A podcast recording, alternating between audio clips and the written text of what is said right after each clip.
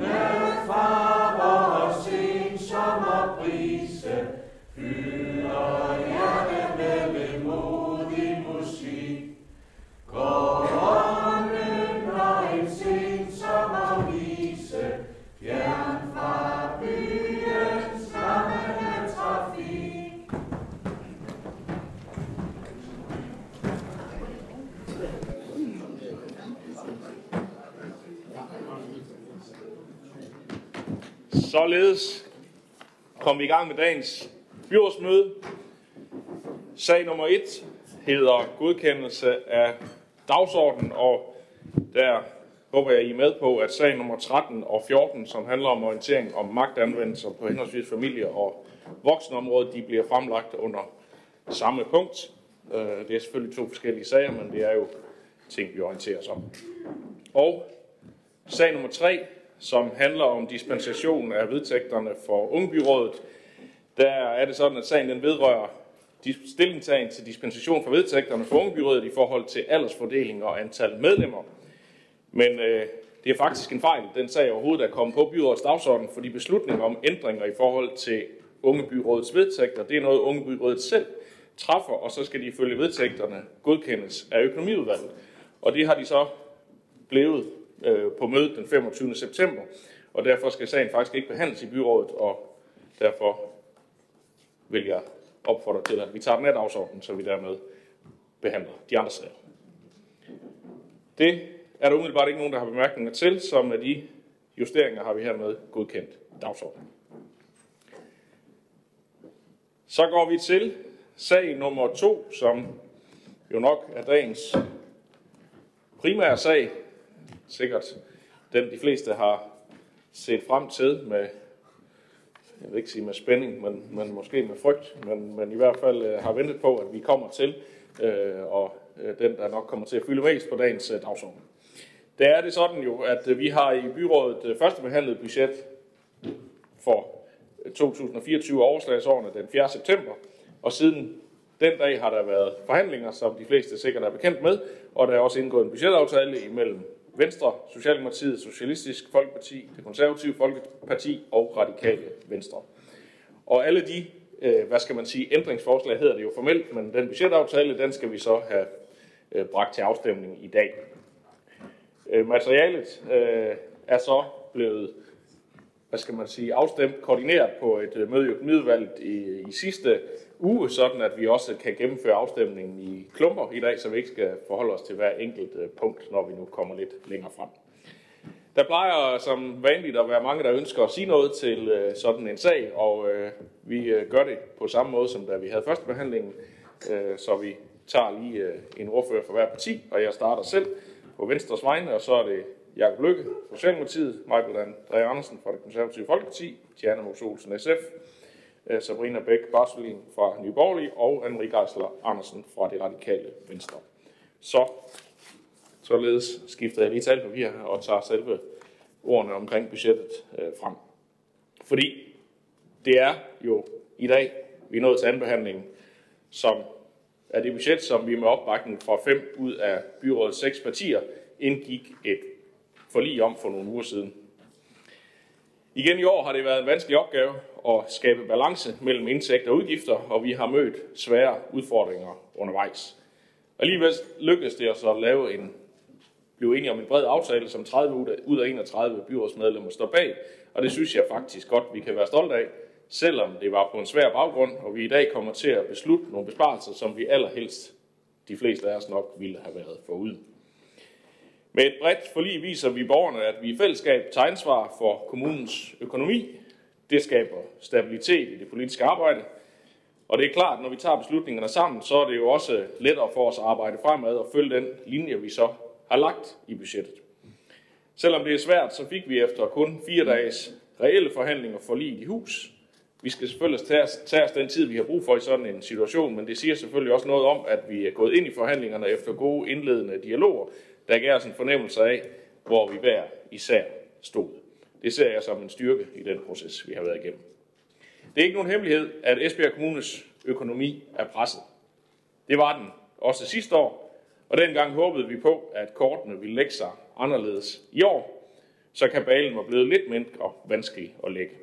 Men sådan gik det desværre ikke. Tværtimod, faktisk. Og derfor er det vigtigt for mig at sætte nogle ord på at forklare, hvorfor den økonomiske virkelighed ser ud, som den gør. For der er helt sikkert ikke, at det er jo helt sikkert, at ingen her i byrådet synes hverken det er rart eller let at få budgettet til at falde på plads, når det kræver besparelser af den kaliber, vi har været nødt til at lægge ind i de kommende år. Det viste sig nemlig, at øh, sidste års indarbejdede besparelser på 30 stigende til 60 millioner kroner langt fra var nok, og derfor har vi i år truffet beslutninger om besparelser på samlet set ca. 80 millioner i 2024, stigende til ca. 130 millioner kroner om året, når de er fuldt indfaset. Udad til kan det godt komme til at lyde til, at vi svinger sparekniven, fordi der ikke er styr på økonomien, og vi bare bruger løser pengene uden at se fremad. Det er på ingen måde rigtigt. Vi bliver ganske enkelt ramt af en række udefra kommende uforudsigelige faktorer, der samlet set desværre ikke falder ud til vores fordel. Systemet her i landet er bygget op, så det på mange måder desværre er et spil af tilfældigheder.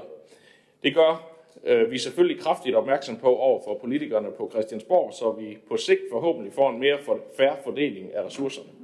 Det ændrer bare ikke på virkeligheden her nu, og derfor var det vores opgave og ansvar at finde balancen imellem besparelser og investeringer, så vi stiller Esbjerg Kommune bedst muligt under de vilkår, der nu engang gælder. Konkret er det sådan, at øh, vi vækster her i kommunen, men vi vækster bare ikke helt så meget, som man gør andre steder, og dermed på lands, øh, landsgennemsnittet. Derfor bliver, bliver vores andel af Danmark lidt mindre år for år, og dermed får vi også forholdsmæssigt lidt mindre af de statslige midler. Og fordi det generelt går godt i Danmark, og borgerne betaler mere i skat, fordi de får mere i løn, ja, så bliver tilskuddene til kommunerne sat forholdsmæssigt ned. Men vores samlede skatteindtægter er ikke steget så meget, som de er på landsgennemsnit, og så hos os så tjener vi faktisk ikke det ind, som vi mister i tilskud. Når det gælder selskabsskatten, så er det lidt samme historie. Vi bliver i Esbjerg Kommune ramt af, at det går bedre andre steder. Selvom vores andel af landets selskabsskatter faktisk er steget, ja, så sender det os i minus, at især enkelte virksomheder i enkelte andre kommuner har tjent rigtig mange penge, og dermed bliver kommunerne samlet set reguleret ned. Hos os der har vi trods vanskelige vilkår i budgettet valgt at fastholde skatteprocenten uændret. Det vil også have været noget dyrt at sætte den op, fordi størstedelen af provenyet, det skal nemlig afleveres til staten. Øh, det er der andre kommuner, der har valgt at gøre alligevel, øh, og det bliver vi så desværre straffet for over hele linjen, så vi også kollektivt får en bod for andre kommuners handlinger. Det er også en lille smule ærgerligt at kigge ind i, at man bliver ramt af sådan noget. På den måde så var det tilfældigheder og uheldige udfald i skatter, udligninger og tilskud, der gjorde, at vi i årets budgetforhandlinger faktisk stod i en situation, hvor vi var nødt til at finde markante besparelser. Den opgave har vi så løst så godt, som vi overhovedet kunne, men det er klart, at det kommer til at ramme borgerne, og vi kunne mærkes på velfærden, når vi skal spare så kæmpe store millionbeløb i årene fremover. Ingen områder er gået fri af besparelserne, og vi har måttet skære bredt i hele kommunen. Dog har vi forsøgt at spare klogt, fordi vi var enige om, at det skulle gå mindst muligt ud over kernevelfærden. For eksempel er det godt nok en serviceforringelse og reducere åbningstiden i daginstitutioner og SFO'er, men vi har prioriteret ikke at skære på antallet af hænder omkring børnene frem for at skære i åbningstiden. Allerhårdest går besparelsen ud over administrationen. Her har vi valgt at gennemføre stort set alle de forslag, der var, øh, så det giver en samlet besparelse på omkring 2%, og derudover er der lagt en besparelse ind på yderligere 2% på administration og dokumentation. Den sidste del er det endnu ikke besluttet, hvordan den skal udmyndtes, men årsagen til, at vi gør det, er jo også øh, en udmelding fra regeringen om, at vi skal øh, administrere og dokumentere mindre i kommunerne, og de har faktisk også fjernet pengene. Øh, men de har så ikke lige fortalt os, hvad det er for nogle opgaver, vi ikke skal løse længere, som de faktisk havde lovet os at gøre.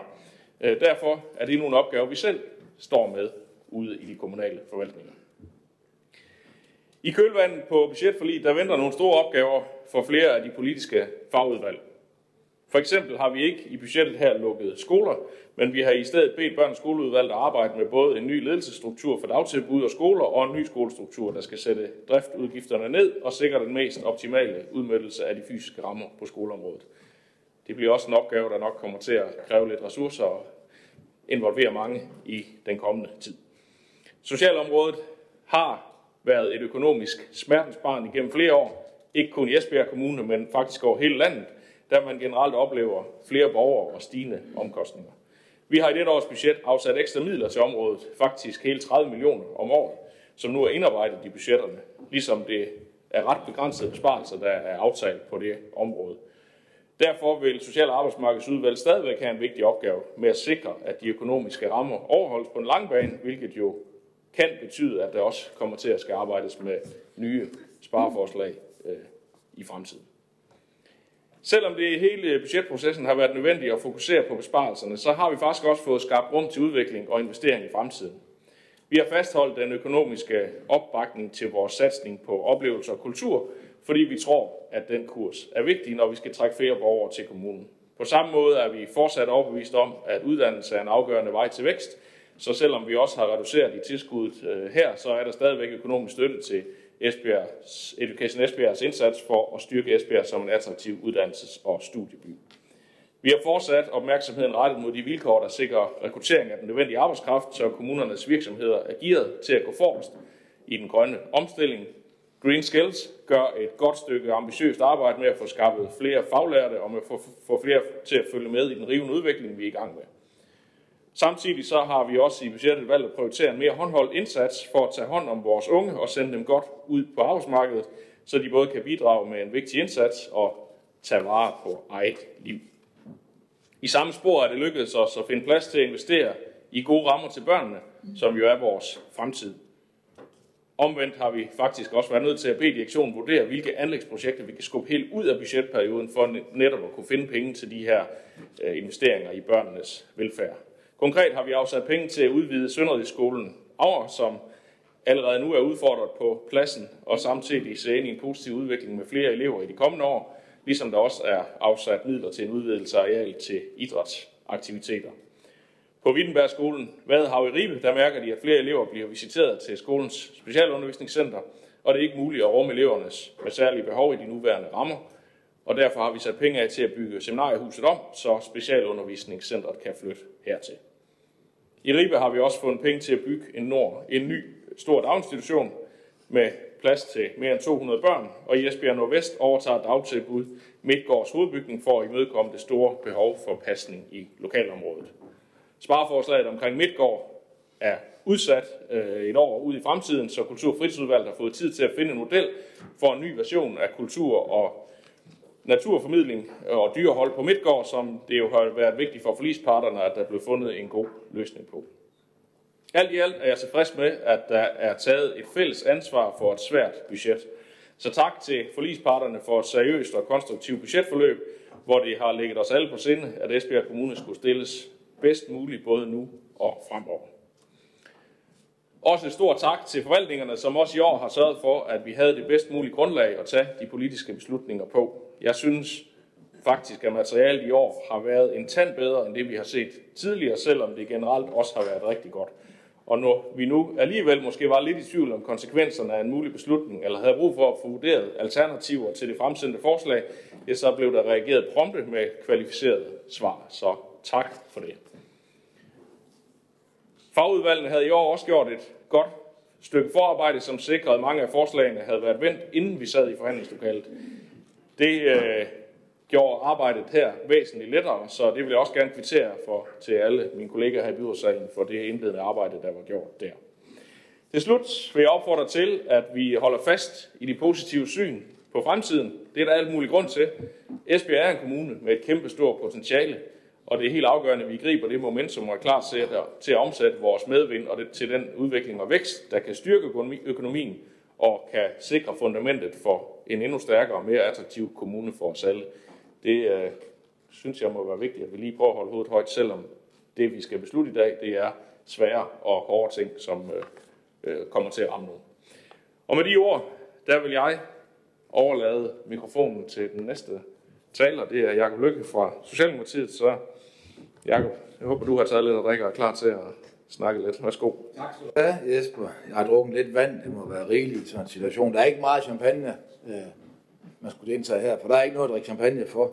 Det er et års budget er nemlig slet, slet ikke noget, man som socialdemokrat har det godt med. Så langt fra endda. Det er ikke altid let at være politiker, og man bliver altid, ikke altid nu nødvendigvis populær at være politiker. Det har den her budgetproces i år været et eksempel på. For der har været hårde valg med store konsekvenser, der skulle straffes, og der vi har skåret mere ind til ben på flere områder, end nogen også har ønsket. Det vil betegne som en af de mest udfordrende budgetlægninger i Esbjerg Kommunes historie, med besparelser og reduktioner på flere områder. Ingen områder er gået fri, som Jesper lige nævnte. Men selvom det ikke er let at være politiker, er det i svære perioder og med de upopulære valg endnu vigtigere, at vi har ansvarlige politikere. Politikere, der ikke starter massefyringer ved den første røde bundlinje, sælger arvesøl for at håbe på et godt år næste år, eller måske endda holde ting skjult for borgerne. Jeg synes faktisk, at vi har et ansvarligt byråd. 30 ud 31 byrådsmedlemmer står bag aftalen, på trods af de hårde omstændigheder. 5 ud af 6 partier. Det vidner om, at man har bøjet sig mod hinanden, når stormen har været værst, og det vil jeg gerne på vegne af Socialdemokratiet kreditere for alle parter, de 30 af dem. Den overordnede opgave var at finde 325 millioner kroner over budgetperioden på fire år. Selv i en stor kommune som vores er der mange penge, når man ikke er øs med dem i forvejen, eller har meget fedt, der kan skæres væk, uden at blive bemærket. Vi har fundet 56 millioner de kommende år, stigende til 91 millioner fra 2026. Vi kan selvfølgelig håbe på og arbejde for, at økonomien og udviklingen bliver bedre inden i år dertil. Det vil kræve mere forebyggelse fra og nul, så at sige, for unge mennesker. Mere tilflytning, og det er gerne i overflod. Og ikke mindst en større fokus på, at alle virksomheder i kommunen betaler til den velfærd, de modtager i form af institutioner, skoler og ikke mindst uddannet arbejdskraft. Men jeg tror faktisk, at alle disse tre ting er muligt at ændre ved. Så synes jeg også, det er vigtigt at tilføje, når vi taler om økonomien, at vores indeks 100-tal viser, at vores udgiftsniveau ligger fornuftigt i forhold til landsgennemsnittet, og ofte under sammenlignelige kommuner. Vi har så vidt muligt forsøgt at finde penge på områder, der ikke mærkes direkte på borgerne, selvom det har været mere end øh, tæt på umuligt. Derfor har for næste byrådsperiode et udvalg mindre for at frigive midler til formandens vederlag for eksempel. Vi tager også vores del af de 700 millioner, der nationalt skal spares på administration. Budgetaftalen for budget 2024 er der så noget indgået aftale om besparelser på 15 millioner kroner på konto 5 og konto 6 på tværs af forvaltningen. Som det yderligere fremgår af budgetaftalen, så har vi i forhandlingsudvalget besluttet at støtte op om investeringsforslag, der på den ene side kan reducere udgifterne på længere sigt, men på den anden side forventes at kunne fastholde eller måske da øge den service, vi kan lære til vores borgere. Som jeg har sagt før i denne sag, så tror jeg ikke på, at vi kan spare os ud af problemerne på lang sigt. Vi er også nødt til at tænke på en målrettet og langsigtet investering, og i særdeleshed her tænker jeg, at vi som socialdemokrater på børn og ikke mindst unge. Derfor er jeg som socialdemokrat og ikke mindst formand for Social- og Arbejdsmarkedsudvalget og borger i Esbjerg Kommune rigtig glad og stolt over, at der nu i gang sættes flere gode investeringstiltag på vores politikområde med denne budgetaftale. Som eksempel kan nævnes projektet Energi til en anden ved Vindmøllen, hvor der er gode erfaringer med anden ved metoden relationel valgfærd til at hjælpe udsatte unge i uddannelse og arbejde. For at skabe det bedst mulige afsæt for at implementere projektets metode, så ønskes der med investeringer tilføje flere personalressourcer, så antallet af sager per medarbejder kan reduceres, og flere unge kan modtage den intensive og håndholdte indsats. Herudover så investeres der i en opnummering med tre socialrådgiver ved vores myndighedsafdeling på voksen socialområdet, med det sigt at styrke indkøbet og opfølgning på de eksterne og ofte dyrt indkøbte tilbud, hvor vi har Esbjerg Borg boende i dag. Får vi det for pengene, vi vil? Kan vi forhandle endnu bedre priser hjem? Der er et potentiale her, og vi forventer, at denne investering kan medføre et samlet reduktion i udgifterne på i alt 11 millioner kroner hen over budgetperioden. Desuden har vi i gang sat en indsats for at lukke tomme plejebolig. Altså en indsats, der til Sydlandet kan virke som en nedskæring, men i virkeligheden er sund fornuft. Ingen, hverken kommuner eller ældre, har vel gavn af, at der står tomme boliger rundt omkring i vores kommune. På socialområdet er der sket følgende, nemlig mosaikken, som efterhånden er 15 år gammel, et aktivitetshus for ældre med en anden etnisk minoritetsbaggrund, som gennem flere år har fokus på at reducere ulighed i sundhed ved sundheds- og integrationsfremmende indsatser, fortsætter i sin nuværende form. Og der vil jeg godt støtte en tak til forligspartierne om et stærkt politisk signal ved at fastholde mosaik. Vi har også sikret en god implementering af hjemløsreformen med den såkaldte Housing First-metode, der netop er trådt i kraft her 1. 1. oktober. Netop dette punkt står på en måde som et mindre punkt i vores budgetforlig. hvis man lige stanser her et sekund, så er det vel licensen i alt det, vi som offentlig myndighed skal gøre. Vi skal hjælpe dem, der har mest brug for det, og ikke altid kan bidrage økonomisk til fællesskabet. Og vi skal selvfølgelig gøre det med respekt for netop fællesskabets skattekroner. Ved Kirkens her i Esbjerg har der siden 2020 været ansat en, sund, en social sygeplejerske på fuld, på fuld tid. Socialsygeplejersken yder sundhedsfremmende brobygning til nogle af kommunens mest udsatte borgere, som er hjemløse eller funktionelt hjemløse mennesker, ofte med en kombination af psykiske lidelser eller misbrug, og nogle gange begge dele. Kirkens Korshær har tidligere oplyst kommunen, at socialsygeplejersken gennem sin faste tilstedeværelse på varmestuen har skabt en stabil kontakt med stedet ca. 180 brugere og løfter en brobyggende sundhedsopgave, så brugerne ikke selv har overskud til at udføre. Også her kan vi for alvor tale om at stå for en opgave så fundamentalt for, hvad offentlig service skal levere og stå for. Jeg er meget glad for, at vi i forhandlingsudvalget fandt sammen om at prioritere budgetmidler til, at det også fremover i tæt samarbejde med øh, kirkens korshær kan løfte denne vigtige funktion i Esbjerg Kommune. Vi understøtter en videre virksomhedernes rekruttering, både nu og her tiltag, men også med langsigtede strategier som Green Skills, som vi kan og bør være meget stolte af i Esbjerg Kommune. Selvom vi i skrivende stund har omkring mellem 8 og 900 unge i Esbjerg Kommune mellem 15 og 24 år, der hverken er i arbejde eller uddannelse. På en måde står de stille på perronen, så at sige, mens deres jævnaldrende kammerater på tiden går i folkeskolen og er på vej til en uddannelse, eller måske allerede tjener penge på arbejdsmarkedet. Disse unge mennesker har uden retning i livet, og mange af dem bor i Esbjerg Kommune. Men det er ikke alle, men kun de unge, der nærmest, og det er hjerteskærende at kigge på. Jeg har set i alt for mange tilfælde, hvordan det kan berøre en hel familie. Men jeg har heldigvis også set, hvordan det får familier til at stråle, når det ændrer sig. Vi har netop indgået et bredt budget, fordi de samtaler, jeg var med, jeg gik ofte på de store linjer, og lå i den fjerne fremtid. Investeringer på havnen, tusindvis af nye borgere forhåbentligvis, nybyggeri, udbygning, forbedring på skoler og plejehjem, og den slags skal der selvfølgelig også til. Derfor er jeg også stolt af og tilfreds med den før omtalte investeringer, indsats og målsætning, vores budget 2024 har på området. Dertil skal også erhvervslivet der skriger på arbejdskraft, og samfundet er frustreret over nedskæring i det offentlige service, de skal også byde ind. Det er væsentligt, at vi alle byder ind på dette område. Med budget 2024, hvor når vi et stykke af vejen, men vi skal sætte barn meget højt, hvordan får vi vores børn og unge bedst i gang med deres eget selvstændige liv. Det er en kamp, der aldrig slutter, og det kommer til at koste med ambitioner for disse unge mennesker. Ikke bare i år, men i de kommende år. Derfor vil og skal det også analyseres og vurderes med de midler, der bliver anvendt til f.eks. Education Esbjerg og Business Esbjerg, kunne anvendes bedre og langt bredere end tilfældet er nu. Men allerede næste år skal vi jo genbesøge kommunens bidrag til Education Esbjerg, og det ser jeg frem til, at vi som partier skal genoverveje de forskellige støtte, vi giver. Hele Midtgårdssagen har Socialdemokratiet haft den allerstørste opmærksomhed på. Vi kan, som tidligere sagt herinde, ikke undvære Midtgård, slet ikke som klimaformidlingssted. Håber, at de involverede udvalg finder en, bærebar, en bæredygtig løsning den vej rundt. Socialdemokratiet har svært ved at forestille sig, at det ikke fortsat skal være natur- og klimaformidling i børnehøjde. Det er en meget dårlig forretning at vækste over 3.000 besøgende børn årligt ud med de her 35 institutionspladser. Og i den her forbindelse, så kan man også begynde at tale lidt mere med silo og søjletænkning.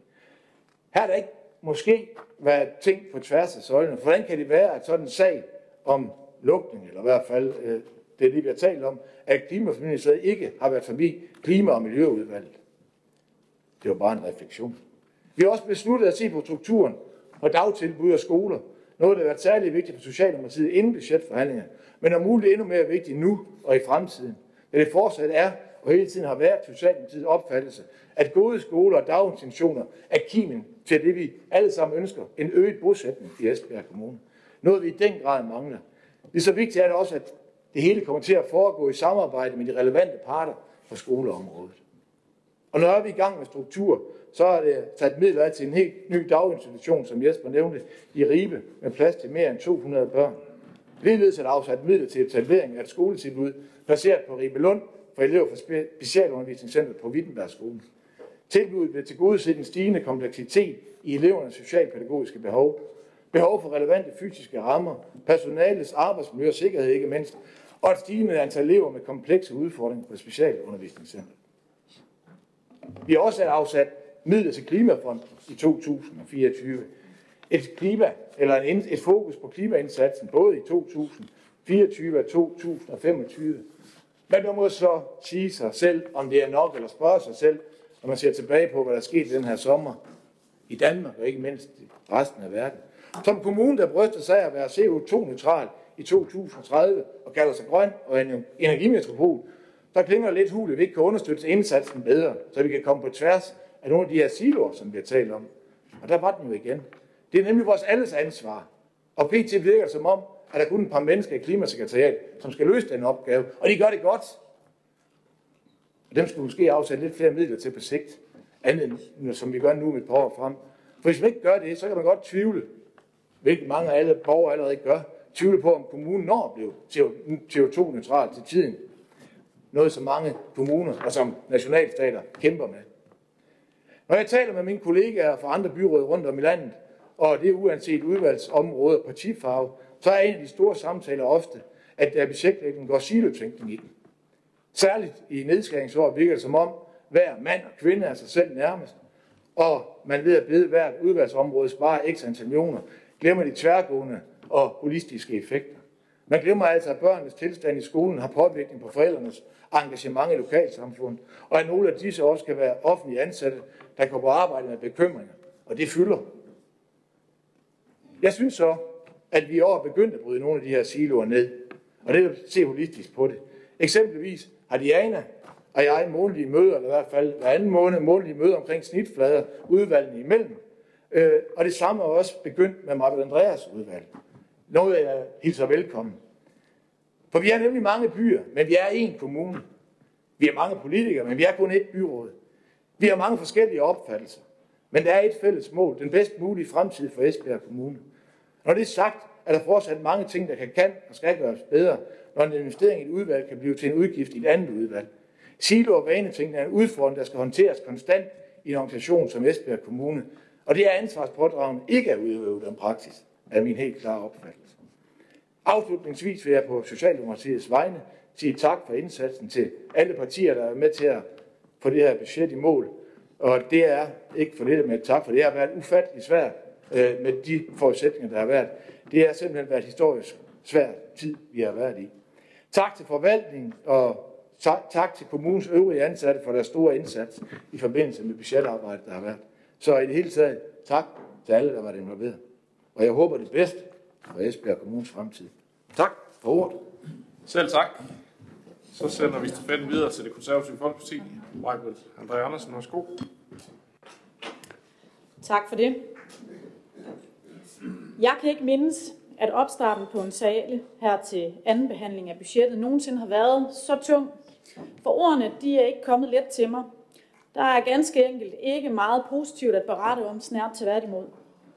For det konservative Folkeparti har det været en svær omgang. Der er mange kameler, der er blevet slugt undervejs. Beslutninger, der er blevet truffet, som absolut hverken er de klogeste, eller noget, som vi vil gennemføre, hvis vi kunne blive fri. Jeg ved, at mange af jer, der sidder i byrådssalen i dag, har det på samme måde. For selvom vi kommer med en forskellig vinkel på det politiske arbejde fra forskellige partier med forskellige værdier, så er det jo kendetegnende for os alle, at vi vil det bedste for Esbjerg Kommunes borgere. Holdningen til vejen derhen er ofte forskellig og kan danne grobund for ideologiske kampagner, de flyver i totterne på hinanden. Det har der jo ikke været meget af det i år. Vi har samarbejdet godt om den svære opgave, det har været at få enderne til at nå sammen. Så der skal lyde en stor tak til mine kollegaer i forhandlingsudvalget for konstruktive og respektfulde meningsudvekslinger undervejs i forløbet. At lægge et budget, der afvejer mange partiers ønsker og prioriteringer, kan være umådeligt svært. Men det er et håndværk. En disciplin, som man øver sig i, og forhåbentlig bliver bedre til hen ad vejen. En budgetaftale er jo udtryk for et kompromis. Det er det muliges kunst. Det er også netop det, som dette års budgetaftale bærer præg af. For vi sad fem partier tilbage om bordet til det, man vil kalde den bedre ende. Alle skal kunne se sig selv i det, særligt når vi efterfølgende skal stå og se borgerne i øjnene sammen. Nogle partier vil hæve det i deres taler i dag. Vi har jo allerede hørt en, at vi har satset på de unge, at vi har lavet vigtige investeringer, men øh, det er, som jeg ser det, en sandhed med modifikationer. Mest af alt ser vi konservative det her budget som et resultat af rå besparelser, som vi meget snart skal til at udmynde. Vi gør et stort indgreb i administrationen. Det har vi fra konservativ side længe talt for, og Index 100-analysen viste også, at i forhold til de sammenlignelige kommuner, så var det her et område, hvor vi kunne tage en lunds, fordi vi bør kunne optimere ressourcerne mere og have flere stordriftsfordele ud af at være en stor kommune. Vi ved godt, at det kommer til at give udfordringer, men tiden og økonomien kalder ganske enkelt på, at vi begynder at gentænke nogle ting og anskue fremtidens udfordringer med fremtidens briller på. Ingen områder er gået fri. Alle har skulle levere for, at enderne i det kommunale budget skulle nå sammen. Nogle områder har vi dog forsøgt at minimere besparelserne på, herunder blandt andet det specialiserede voksenområde og på vores børn. Men øh, det er ikke lige med, at besparelserne ikke kan mærkes på de områder, for det kommer de til. Besparelserne de udgør i alt 450 millioner kroner over de næste fire år. Så jeg vil ikke være med til at stikke borgerne blå i øjnene, det er altså besparelser, der kommer til at kunne mærkes i samtlige sektorer. Det er ærgerligt, og jeg tænker, at de fleste af os herinde helst var besparelserne for uden. Men det har været en absolut nødvendighed for at bringe kommunens økonomi mere i balance, som det hedder. Det, som det egentlig handler om, det er, at hvis der i fremtiden skal være en kommune til at levere service til borgerne, så var det en opgave, vi blev nødt til at tage på os og stå på mål for. Det ansvar er vi med til at løfte i den konservative byrådsgruppe. Også selvom det her det er langt, er langt fra et drømmebudget for os. Selvfølgelig er der også positive ting i dette øh, års budget. Her kan jeg blandt andet nævne, at vi sammen fik reddet øh, psykiatriteamet og lejerskoler for 6. klasserne. At der blev pas til at fastholde tiltag på klimaområdet, midler til tiltag, der fortsat skal understøtte, understøtte virksomhedernes mulighed for rekruttering af nutidens og fremtidens arbejdskraft. Der blev afsat midler til en ny daginstitution, midler til en tiltrængt udvidelse af Sønderrigsskolen og en undersøgelse af mulighederne for samlokalisering af 10. klasserne på erhvervsskolerne, som faktisk ligger ret nært op af en af de anbefalinger, som Erhvervsfremmeudvalget har arbejdet med i udarbejdelsen af Erhvervsfremmestrategien og den dertil hørende handleplan, som vi vil øh, fremlægge for byrådet ved senere lejlighed. Den økonomiske situation har gjort, at vi er nødt til at kigge på nogle lidt mere strukturelle tiltag. Og det er vi fra konservativ side egentlig ret godt tilfredse med. Vi mener nemlig, at det er godt at ryste posen og få et fornyet syn på sagerne. For vi skal ikke tro, at vi skaber den øh, nødvendige udvikling ved at gøre tingene på den samme måde, som vi altid har gjort. Der står også nogle åbne spørgsmål endnu, som først og fremmest kan besvares efter et grundigt arbejde i fagudvalgene og en inddragende proces med de relevante parter. Og det drejer sig her især om skolestrukturen, om klubområdet, ledelsesstruktur på dagtilbud og skole, omlægning af indsats for grønlændere og fortsat arbejde med at skabe økonomisk balance på socialområdet. Det er alt sammen konkrete opgaver, som udvalgsformændene tager med sig ud i deres fagudvalg, og som fagudvalgene og forvaltningerne skal arbejde videre med. Dertil kommer, at forlispartierne har besluttet, at det skal belyses, om der kan være synergieffekter og økonomiske fordele ved at flytte velfærdsopgaver mellem borger- og arbejdsmarked og fritid, sundhed og omsorg, med henblik på at aflaste det økonomisk og opgavemæssigt trængte socialområde. Nye øjne på komplekse områder kan vise sig at være en fordel, både økonomisk, men vigtigst af alt også rent menneskeligt. Der er ikke meget udvikling. Nej, det er ikke meget udvikling, vi skaber ved dette års budgetaftale. Det vidste vi godt, dengang vi gik ind i forhandlingerne, øhm, at det vil være umuligt med de rammebetingelser, vi er underlagt. Både med de ydre, som flere har været inde på, men også indre omstændigheder, som har presset den økonomiske ramme. Derfor er dette ej heller et konservativt drømmebudget. Dette års budgetaftale har indebåret hårde drøftelser om, hvad der var vigtigst at prioritere. For os konservative er det essentielt, at Esbjerg Kommune er et godt og trygt sted at stifte og være familie. Og vi vil naturligvis fortsætte med at være hele familiens parti, også selvom økonomien er presset. Der er vigtige hensyn at afveje i forbindelse med budgetlægning, både i forhold til helheden, såvel som at lave de nødvendige prioriteringer i kernevelfærden, sikre den økonomiske ansvarlighed, men også sådan, at vi kan sikre fremtiden med tiltag på kultur, klima og erhvervsområdet, så vi kan tiltrække de nye borgere og den arbejdskraft til kommunen, som vi har så hårdt brug for.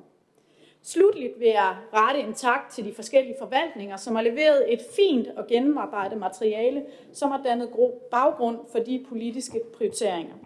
Og så lige en kommentar til Jakob Lykkes tale, hvor han hævder, at vi har lukket nogle plejehjemsboliger. Det er nok ikke helt korrekt. Vi har ommærket nogle plejeboliger til ældreboliger, så vi kan ommærke dem tilbage, når vi i fremtiden får behov for dem igen, for det gør vi. Tak for ordet. Tak for det. Så er det Diana Mos Olsen, SF. Er det rigtigt? Tak for det. Jamen, øh, jeg vil nok øh, hoppe med ind i koret af dem, der ikke synes, det er et drømmebudget, men det kommer nok ikke bag på nogen. Øh, vi vidste fra begyndelsen af budgetforhandlingerne, at et forlig i år ville blive vanskeligt. Vi troede sådan set, at vi ville ende med at skulle stå udenfor. Vi stod over for en økonomisk ubalance i budgettet på tæt ved 400 millioner. Der kommer mange forskellige beløb frem, alt afhængig af, hvordan man ser på det, men ikke desto mindre var der voldsomt mange millioner kroner over den fireårige budgetperiode, og ingen udsigt til hjælp fra regeringen, uanset det store rådrum, Mette Frederiksen rejser rundt og praler med. Som hun siger, vores store problem bliver mangel på hænder og ikke penge, siger hun. Dem har vi åbenbart nok af. Det er desværre ikke tilfældet i de fleste kommuner, og heller ikke i Esbjerg Kommune. Vi kan på ingen måde levere det velfærdssamfund, vi ønsker, og for SF har dette forlig været svært at indgå i, men vores fokus har været at reducere eller fjerne de besparelser, vi har haft størst udfordringer med. Kommunens økonomi er presset. Det er vist ikke nogen hemmelighed. Men det er der flere årsager til. Både det store merforbrug på socialområdet, de manglende skatteindtægter og tilskud fra staten, det har borgmesteren jo været inde på, og også fordi Esbjerg Kommune ikke har haft samme befolkningstilvækst til kommunen, sammenlignet med den udvikling, der har været på landsplan. Nu kan det godt lyde, som om også SF mener, at socialområdet er ansvarlig for, at vi ikke har økonomi til skoler og dagtilbud med videre. Men nej, det mener vi naturligvis ikke. Vi har et socialområde, som mangler 5 milliarder kroner på landsplan, for at vi i kommunerne kan leve op til det forventede niveau, som følger af lovgivning og det behov, der er. Så selvom der er et mere forbrug, er der ikke tale om et overforbrug. Der taler om et område, som i overvis har været underbudgetteret, og vi fra alle landets kommuner gentagende gange har råbt om hjælp til skiftende regeringer. Men det er som om, der ikke bliver lyttet, og det er således fortsat et problem i Esbjerg Kommune, ligesom i andre kommuner. Men vi har denne her gang i budgettet forsøgt at lappe på det, men vi er ikke i mål. Allerede ved sidste års budgetforlig kom vi jo ikke helt i mål. Her fik forvaltningen og alle fagudvalg til opgave at finde besparelser for 2% af driften til disse års forhandlinger. Vi håbede, at vi med den øvelse havde nogle besparelser, som var bearbejdet, hvor der havde været noget reel involvering af medarbejdere, og vi håbede naturligvis, at vi dermed havde nogle reelle besparelser at vælge imellem til at indfri den mindre økonomiske ubalance, vi efterlod ved sidste års, eller ved sidste års budgetforlig. Virkeligheden blev jo desværre, at de 2% slet ikke var nok, hvorfor der skulle flere besparelser til. Så vi gik ind til forhandlingerne med en viden om, at det ville blive svært, men også med en viden om, at vi jo selv skulle lave et budget i balance, hvis ikke vi forsøgte at indgå i et fælles øh, forlig. Vi har stort set ingen manøvrerum i kommunerne, fordi vi ikke kan og må sætte skatten op, uden store individuelle og kollektive strafbøder. Så derfor har vi med dette forlig måtte acceptere flere besparelser, end det vi ønskede. Jeg er også blevet spurgt af flere, hvorfor så et forlig? Jo, vi har valgt at indgå et forlig, så er det jo naturligvis, fordi vi har oplevet, at det rent faktisk gjorde en forskel, at vi deltog. Så selvom der er mange besparelser, som skal implementeres, så har vi blandt andet i fællesskab med alle andre, fordi vi med vores tre poster kan ikke noget selv, men vi har været med til at sikre, at blandt andet psykiatriteamet fortsat eksisterer. Her fik vi i fællesskab fjernet besparelsen helt, og det er vi meget tilfredse med. Vi har også fortsat borgerbetjening i Ribe og Bramming. Det håber vi, vi bliver ved med, selvom den bliver nævnt igen og igen som et besparelsesforslag. At den besluttede besparelse på rengøring ikke kommer til at gå ud over faglokaler, hvor eleverne opholder sig, men at der alene bliver sparet på rengøring på de administrative områder og der, hvor børn og elever ikke opholder sig. Derfor er en del af den besparelse, som var foreslået fjernet. Det, der er tilbage på kontor og trapper, er efter sine en harmonisering med de andre områder i kommunen, hvor man kan rent på, og hvor personalet opholder sig. Det vil vi naturligvis følge op på. Vi har fortsat en byfond. Den har godt nok et mindre budget. Vi var også med til at få fjernet besparelserne på indvendig vedligeholdelse af vores bygninger. Desværre var der ikke flere penge at sætte mere af til, på trods af et stort behov herfor. Vi fik mere end halveret besparelsen på borgere øh, visiteret til paragraf 85 støtte. Her lykkedes det faktisk at få fjernet omkring 4 millioner kroner fra besparelsen. Døgntilbud Ribegade eksisterer fortsat. Besparelsen blev helt fjernet. Vi fik i fællesskab udladt besparelserne på det serviceniveau, øh, vi har til plejefamilier og for børn anbragt i plejefamilier. Vi fik fjernet besparelsen på Specialcentret for børn og unge i alderen 0-30 år. Vi får lokale skoler igen. Vi nedlægger distriktskolerne og genetablerer de lokale skoler. Det betyder samtidig en ændring af vores daginstitutioner, så også de bliver mindre enheder. Flere har også allerede nævnt nu, at det ikke endelig er besluttet, hvorledes det skal foregå.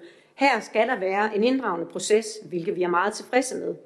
Men vi har altså lidt travlt i børneskoleudvalget, for den besparelse, der er lagt ind, den skal indfries allerede med halv effekt fra 2024. Nu har det her med de lokale skoler været et ønske i flere år, og vi har i SF igennem alle årene givet udtryk for, at vi altså ikke bare med et, med et kniptag kan gå tilbage til de gamle skoler, med mindre der følger knap 20 millioner kroner ekstra med årligt. Fordi det var det, vi sparede dengang vi ændrede det. Derfor bliver de lokale skoler, vi nu etablerer, altså ikke som før, da vi besluttede distriktskolerne tilbage i 2014, for vi skal huske på, at midlerne følger ikke med. Men der har været et stort ønske fra mange om, at skolerne igen skal være selvstændige enheder, og det har vi med denne her beslutning øh, været med til at indfri, at der vil være selvstændige ledelser på alle skoler fra 2024. Men vi vil stille og roligt SF gøre opmærksom på, at især SFO og klub vil være uden den ledelse, man kendte fra før distriktsinddelingen. Så det er et område, vi kommer til at øh, være særlig opmærksom på i den proces, der nu kommer med at få de lokale skoler tilbage. Også dagtilbud vil være noget andet. Og også her vil vi have et særligt øje på den måde, det bliver implementeret på, så der er den ledelseskapacitet, der er nødvendig. For SF har det også været vigtigt, at vi ikke lukker skoler i dette budget, og at vi ikke flytter børnene rundt, som det blev beskrevet i et af de forslag, der lå. Men vi kommer ikke helt udenom, at vi skal igennem en tilpasning af de fysiske rammer, vi har, for at se, om denne tilpasning kan udløse besparelser. Det er løst formuleret og skal først ske i løbet af 25-26, så der bliver tid til lokal og ledelsesmæssig involvering. Vi fik ligeledes reduceret på besparelserne på dagtilbud, klub og SFO. Her bliver der tale om en reduktion på åbningstiden, så vi ikke får medarbejderne til at løbe stærkere, men i stedet for reducere, reducere i tiden, de skal være der. Det er uden tvivl noget, der vil ramme flere forældre, og derfor håber vi også, at det er en kort periode, den besparelse er nødvendig, så vi igen får råd og mulighed for at udvide åbningstiden. Men selve besparelsen skal også her findes i en involverende proces med medarbejdere, ledere og bestyrelser, der er på området. Derfor bliver besparelsen ikke som beskrevet, men skal eksekveres på den måde, der passer bedst i det enkelte tilbud og skaber mindst problemer for forældrene. Men det er uden tvivl en servicereduktion for forældrene. Det kan vi komme udenom. Vi har ligeledes med budgetforliget været med til at sikre, at der fortsat er skoletilbud for vores ordblinde elever på Spangsbjerg, at vi fortsat har Lipse Kvaglund, og at udviklingen på Bakkeskolen kan fortsætte. Herudover har vi bevaret alle vores profilklasser, så de fortsat findes på de forskellige skoler. Endelig er der blevet afsat særskilt økonomi til Fuldson og Lær for Livet. To fantastiske projekter, der indtil nu altså har været finansieret af skolernes økonomi. Det betyder reelt, at der er mere end 4 millioner kroner til skolerne årligt ekstra, som tidligere har været taget til projekterne, før midlerne blev fordelt til skolerne. En uskik, jeg håber, vi nu går op med. Hvis der er eksterne projekter eller gode projekter, der er politisk prioriteret, så bør der naturligvis følge økonomi med, og ikke bare blive forventet, at det løses af skolernes økonomi. Det har været meget vigtigt for SF, at vi rent faktisk fortsat har områderådgiverne. Desværre kunne vi ikke sikre alle syv, men der er trods alt fortsat fire tilbage. De stod jo til en fuld besparelse, og men de uden tvivl gør et kæmpestort forebyggende arbejde. Derfor skal vi nu arbejde videre med indholdet af, hvad de skal arbejde med fremover, for det er ikke rimeligt at tro, at de fire, der er tilbage, kan nå det samme, som vi forventede af de syv, der har været indtil nu. Vi var også nogle af dem, som øh, havde et ønske om, at der skulle laves en løsning på Midtgård i Kultur- og Fritidsudvalget, får de så nu opgaven. Det bliver i reduceret form, men der skal fortsat være fokus på, at vi har økologisk og klimaformidling til de mindste, samtidig med, at vi får en ny daginstitution i området. Vi er også nogle af dem, der er meget glade for, at mosaikken fortsat består. Den var endnu engang sat til besparelse. Den stod rent faktisk til en hel lukning, eller gradvis lukning, men den består fortsat. SF er ligeledes rigtig glad for, at vi har fået en aftale med Kirkens Korsager omkring en social sygeplejerske, så vi i fællesskab sikrer, at der fortsat er en tilknyttet varmestuen. Jeg er ret overbevist om, at det vil der vedblive med at blive behov for. Det er ikke noget, man bare kan spare væk. Vi fortsætter med Green Skills og den grønne omstilling med midler til Klimafonden og sekretariatet. Og som jeg startede med at sige, vi har været medvirkende til at sikre, at der i budgetperioden ud fortsat er 30 millioner kroner ekstra til voksenhandicapområdet. Men det er langt fra nok. Men desværre er det, muligt, er det bedst muligt lige nu, hvorfor resten vil blive løst ved regnskabsafslutningen. På anlægsområdet har vi rent faktisk brugt ret mange flere penge end forventet. Men vi har været med til, om ikke andet, at pege på, at midlerne skal bruges til en ny daginstitution i Ribe, at udviklingen på Stengårdsvej kan fortsætte, så vi forhåbentlig snart kan komme af med ghettoprædikatet og ud af kløerne på staten, der jo tilser, at den nødvendige udvikling finder sted. Vi får ombygget seminariehuset i Ribe, så vores elever og medarbejdere på Specialcenter Wittenbergskolen endelig kan få nogle ordentlige fysiske rammer. Vi får etableret skoletilbud på Ribe Lund for vores mest udsatte børn og unge, der altså ikke profiterer af at blive kørt væk fra deres kendte rammer. Men det har været en voldsom øvelse. Og der er ingen tvivl om, at vi har skulle leve med mange besparelser. Derfor er det heller ikke ligesom konservativ et budget for lige vi jubler over. Og der ligger et utroligt stort arbejde foran os og vores mange medarbejdere og ledere med implementeringen af besparelserne. I dag er jo alene første skridt. Og det er ikke engang slut med det. Vi har fortsat en opgave med at finde 15 millioner kroner på administrationen i 24, stigende til 30 millioner kroner årligt resten af budgetperioden. Esbjerg Kommune bliver trukket et bloktilskud med i alt 105 millioner kroner over de fire år. Det fremgår godt nok af aftalen, der er lavet mellem KL og regeringen, at der vil blive anvist konkrete områder, hvor kommunerne ikke længere skal lave administrative opgaver for det beløb. Men indtil videre har vi intet hørt, men pengene bliver trukket uanset hvad. Så den opgave står vi også overfor, og vi har ikke peget på, hvor pengene skal findes. Forud for forhandlingerne, der havde vi fået en rapport fra Index 100. Den nævnte jeg også kort i min første behandlingstale. Her var håbet jo, at vi med den i hånden fik mulighed for at prioritere midlerne derhen, hvor vi i dag ligger lavere end forventet. Desværre viste den jo, at vi generelt ligger under eller på forventet niveau ud fra behov og ud fra de kommuner, vi sammenligner os med. Men der var et par områder, hvor vi lå en del lavere, og heriblandt var dagtilbud, SFO og skoler. I dette forlig var der desværre ikke plads eller mulighed for at gøre noget, men jeg håber og tror på, at det bliver muligt fremover at få et mere ensartet serviceniveau, så vi ikke på enkelte områder ligger markant under andre. Det frem, derfor fremgår det også af forlisteksten, at rapporten har understøttet forhandlingsudvalgets budgetdrøftelser, og forhandlingsudvalget skal ved de kommende budgetlægninger se nærmere på de områder, der ligger højere end andre, for at skabe rum til politiske prioriteringer. Eller prioriteringer. Her læser jeg til gode til de områder, der ligger lavest.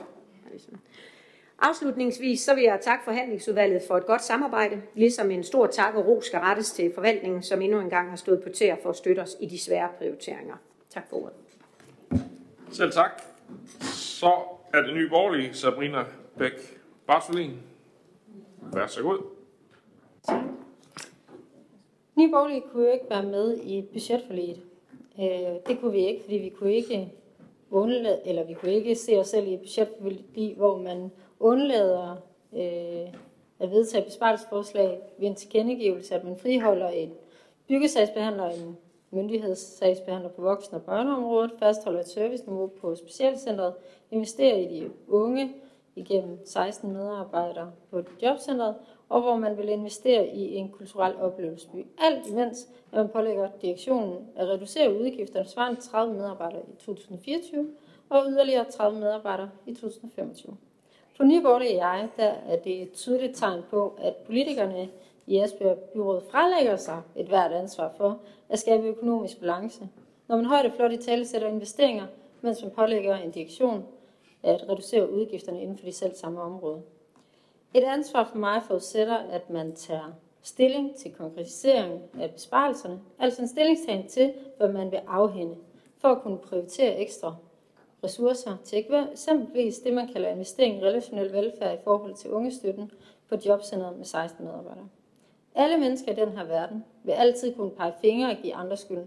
Eksempelvis, at staten allerede har taget penge for forenkling af dokumentation, men de har ikke ændret dokumentationskravene i lovgivningen nu.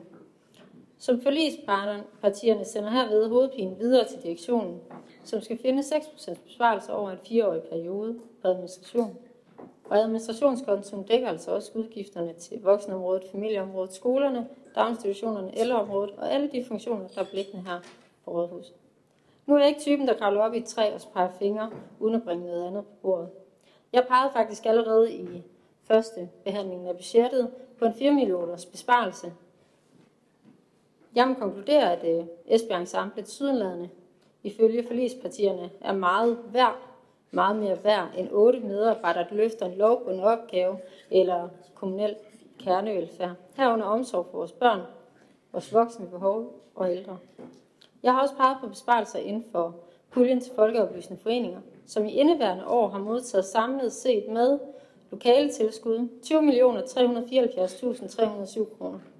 Den pulje kunne vi med fordel reducere, som I kan se, at vi præsenterer i vores budget. Vi har også peget på en besparelse inden for børnehaveområdet. Vores besparelse lægger op til, at institutionerne selv skal navigere inden for besparelsestimetal, ud fra forældrenes reelle behov. For hvad ved vi som politikere, der er behov for ude i kommunen? I Nye Borgerlige, der støtter vi op dansk erhvervsliv og samarbejdet med internationale virksomheder.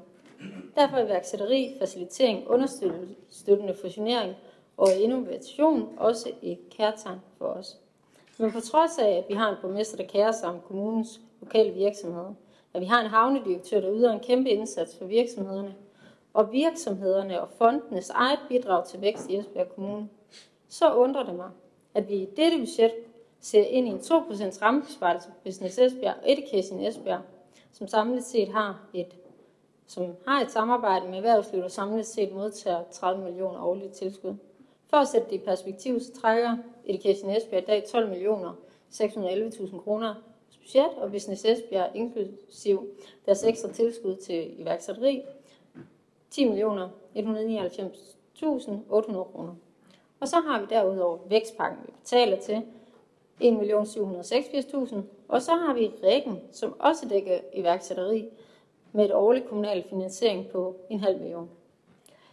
Men vi har til Sydland historisk set i Esbjerg Kommune haft, så, haft en meget høj forbrug på anlægsområdet, når vi tager indtægterne i betragtning. Prioriteringerne af anlægsudgifterne bør i langt større grad ske med afsæt i reelle behov og ikke af hensyn til særlig servicering af overskyggende prestigeprojekter. Jeg har det er eksempelvis rigtig svært ved, at man år efter år bruger penge på forundersøgelser og forskellige tiltag, som Esbjerg Kommunes økonomi aldrig nogensinde ville kunne bære at realisere. Det spilder skattekroner. Så når alt kommer til alt, så er vi i Nye Borgerlige langt mere optaget af at sikre vilkår for vores forvaltningsområder, så der kan arbejdes med udvikling og fastholdelse. Det gør vi blandt andet igennem en strategisk investering i faglig udvikling og fastholdelse af medarbejdere på voksenområdet og på børneområdet med to års værk per område.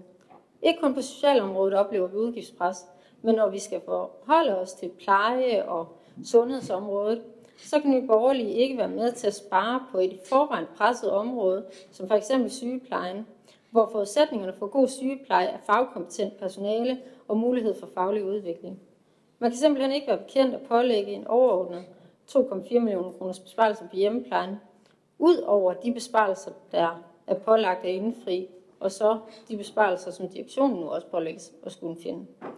Vi ønsker ikke at eksekvere på besparelsesforslag om lukning af vores feriekolonier, uden at der er fundet andre alternativer. Nye Borgerlige har eksempelvis foreslået, at der skulle undersøges muligheder for leje af et sommerhus til formål, frem for at det giver ejendomsadministration for Sønderho og Rindbjerg. Det, det mener vi sagtens, vi kunne undersøge og planlægge igennem inden for to år, hvorved besparelsen først ville indtræde i henhold til vores budget i 2026. For ikke at bruge hele aften, så vil jeg afrunde med pointerne, at jeg, sagtens, jeg har sagt det før, og jeg siger det igen. Der er penge at spare i vores budget, og vi har tiltag, der for det første kan bortfalde uden, at det vil have betydning for vores borgeroplevede service, eller hindre vores evne til at efterleve de lovbundne forpligtelser. For det andet vil vi med fordel kunne fusionere flere tiltag og derved helt eller delvis spare på enkelte udgiftsposter. Det vil vi kunne opnås, samtidig med at viden og position vil kunne fremmes. Så når jeg står uden for dette budgetforlig, så er det fordi, at jeg ikke kan forlis med den herskende politiske tilgang, hvor man siger et og gør noget helt andet. I Nye Borgerlige siger vi, hvad vi gør, gør hvad vi siger. Tak for det. Tak for det. Så er det Anne-Marie Geisel Andersen, Radikale Venstre. Vær så god. Tak for det. Ja, så har vi endnu en gang indgået budgetforlig i Esbjerg Kommune, og igen under nogle øh, svære forudsætninger. Og Radikale Venstre blev, som alle de forrige gange ved bordet. Øhm, det selvom jeg før vi gik i gang, ligesom SF, nok ikke havde en helt stor tiltro til, at vi kunne lande en bred aftale. Og slet ikke, at vi i Radikale Venstre ville kunne være blevet ved bordet. Jeg har da også løbende gjort mig nogle overvejelser om at lave et radikalt bud for første gang på et budget. For en samlet aftale, så skal der, som det også er nævnt, indgås mange kompromiser. Og som Majbert sagde, ja, så var der ikke så meget positivt at komme efter. Mestendels har det jo, igen, handlet om, hvilke besparelser vi har kunnet undgå at foretage. Og det har desværre langt fra været alle. Alligevel, så var det min oplevelse, at vi sammen fik trukket budgettet så meget i den rigtige retning, at det var værd at blive siddende for. Og derfor vurderede vi, at det var bedre at blive, end at lave et budget selv, som alligevel ikke ville have flyttet noget i praksis. Vigtigt var det for os, øhm, at vi ikke sparede flere af de tilbud væk på socialområdet, som der var lagt op til. Botilbuddet øh, Ribegade for nogle af de allermest udsatte unge, det bliver ikke lukket. Og det gør psykiatriteamet som nævnt heller ikke med det tidlige indsats for børn i mistrivsel. Og det skete, ja, så havde vi ikke kunne blive ombord. Ligeledes så lykkedes det også at få reduceret besparelsen på hånd om familien, en helhedsorienteret indsats til udsatte familier, samt på psykologisk center. Dog kun med en tredjedel af de oprindelige spareforslag, men det er bedre end ingenting. Og samlet set for det specialiserede socialområde også tilført 30 millioner kroner årligt øh, de kommende år. At vi i sammenligning sparer relativt mindre på de borgernære tilbud på socialområdet, end på f.eks. administration og ældreområdet, det var også essentielt for os. For socialområdet har længe ligget alt for lavt budgetmæssigt, og fordelingen af områderne imellem, det er noget, vi vil arbejde videre med i byrådet. Og det var rigtig vigtigt for os i Radikale Venstre, at vi indførte det i aftalen. Vi håber fremadrettet at kunne styrke ikke mindst skole- og dagtilbud samt det specialiserede socialområde. Følgende det er, nogle, det er nogle af de ting, som stod højt på vores liste. Diana nævnte en række flere, øhm, og som også blev en del af den endelige aftale. Lær for livet, som støtter udsatte børn i at gennemføre en uddannelse og med god effekt. Det fortsætter dog på et lidt lavere niveau. Ordblinderådgiveren bliver. Klimafonden får 2 millioner det kommende år. Green Skills, der bidrager til at rekruttere den til den grøn omstilling, fortsætter. Og socialsygeplejersken på varmestuen bliver nu endelig prioriteret. Alle er tiltag, som enten bidrager til klimaet eller til vores allermest udsatte borgere. Derudover der blev vi i forligskredsen enige om, at vi fremadrettet skal være skarpere på prioriteringerne, så vi ikke sætter flere strategier eller planer i søen, end vi realistisk kan følge op på. Det var og har længe været meget væsentligt for os i Radikale Venstre. For i dag der skuffer vi desværre alt for mange borgere i ildsjæle, når vi laver så mange planer, som aldrig bliver realiseret. Og de ressourcer kan bruges bedre. Vi har med budgetaftalen vedtaget et par investeringsforslag, som Jakob blandt andet var inde på, i forhold til unge på kanten af arbejdsmarkedet og forældre til børn med handicap. I de tilfælde, der øger vi ressourcerne og forventer og håber, at tiltagene vil mere end tjene sig selv hjem. Og ligeledes fik vi så tilføjet i aftalen, at vi fremadrettet også skal arbejde med denne investeringstilgang på blandt andet børne- og psykiatriområdet, og det ser vi meget frem til.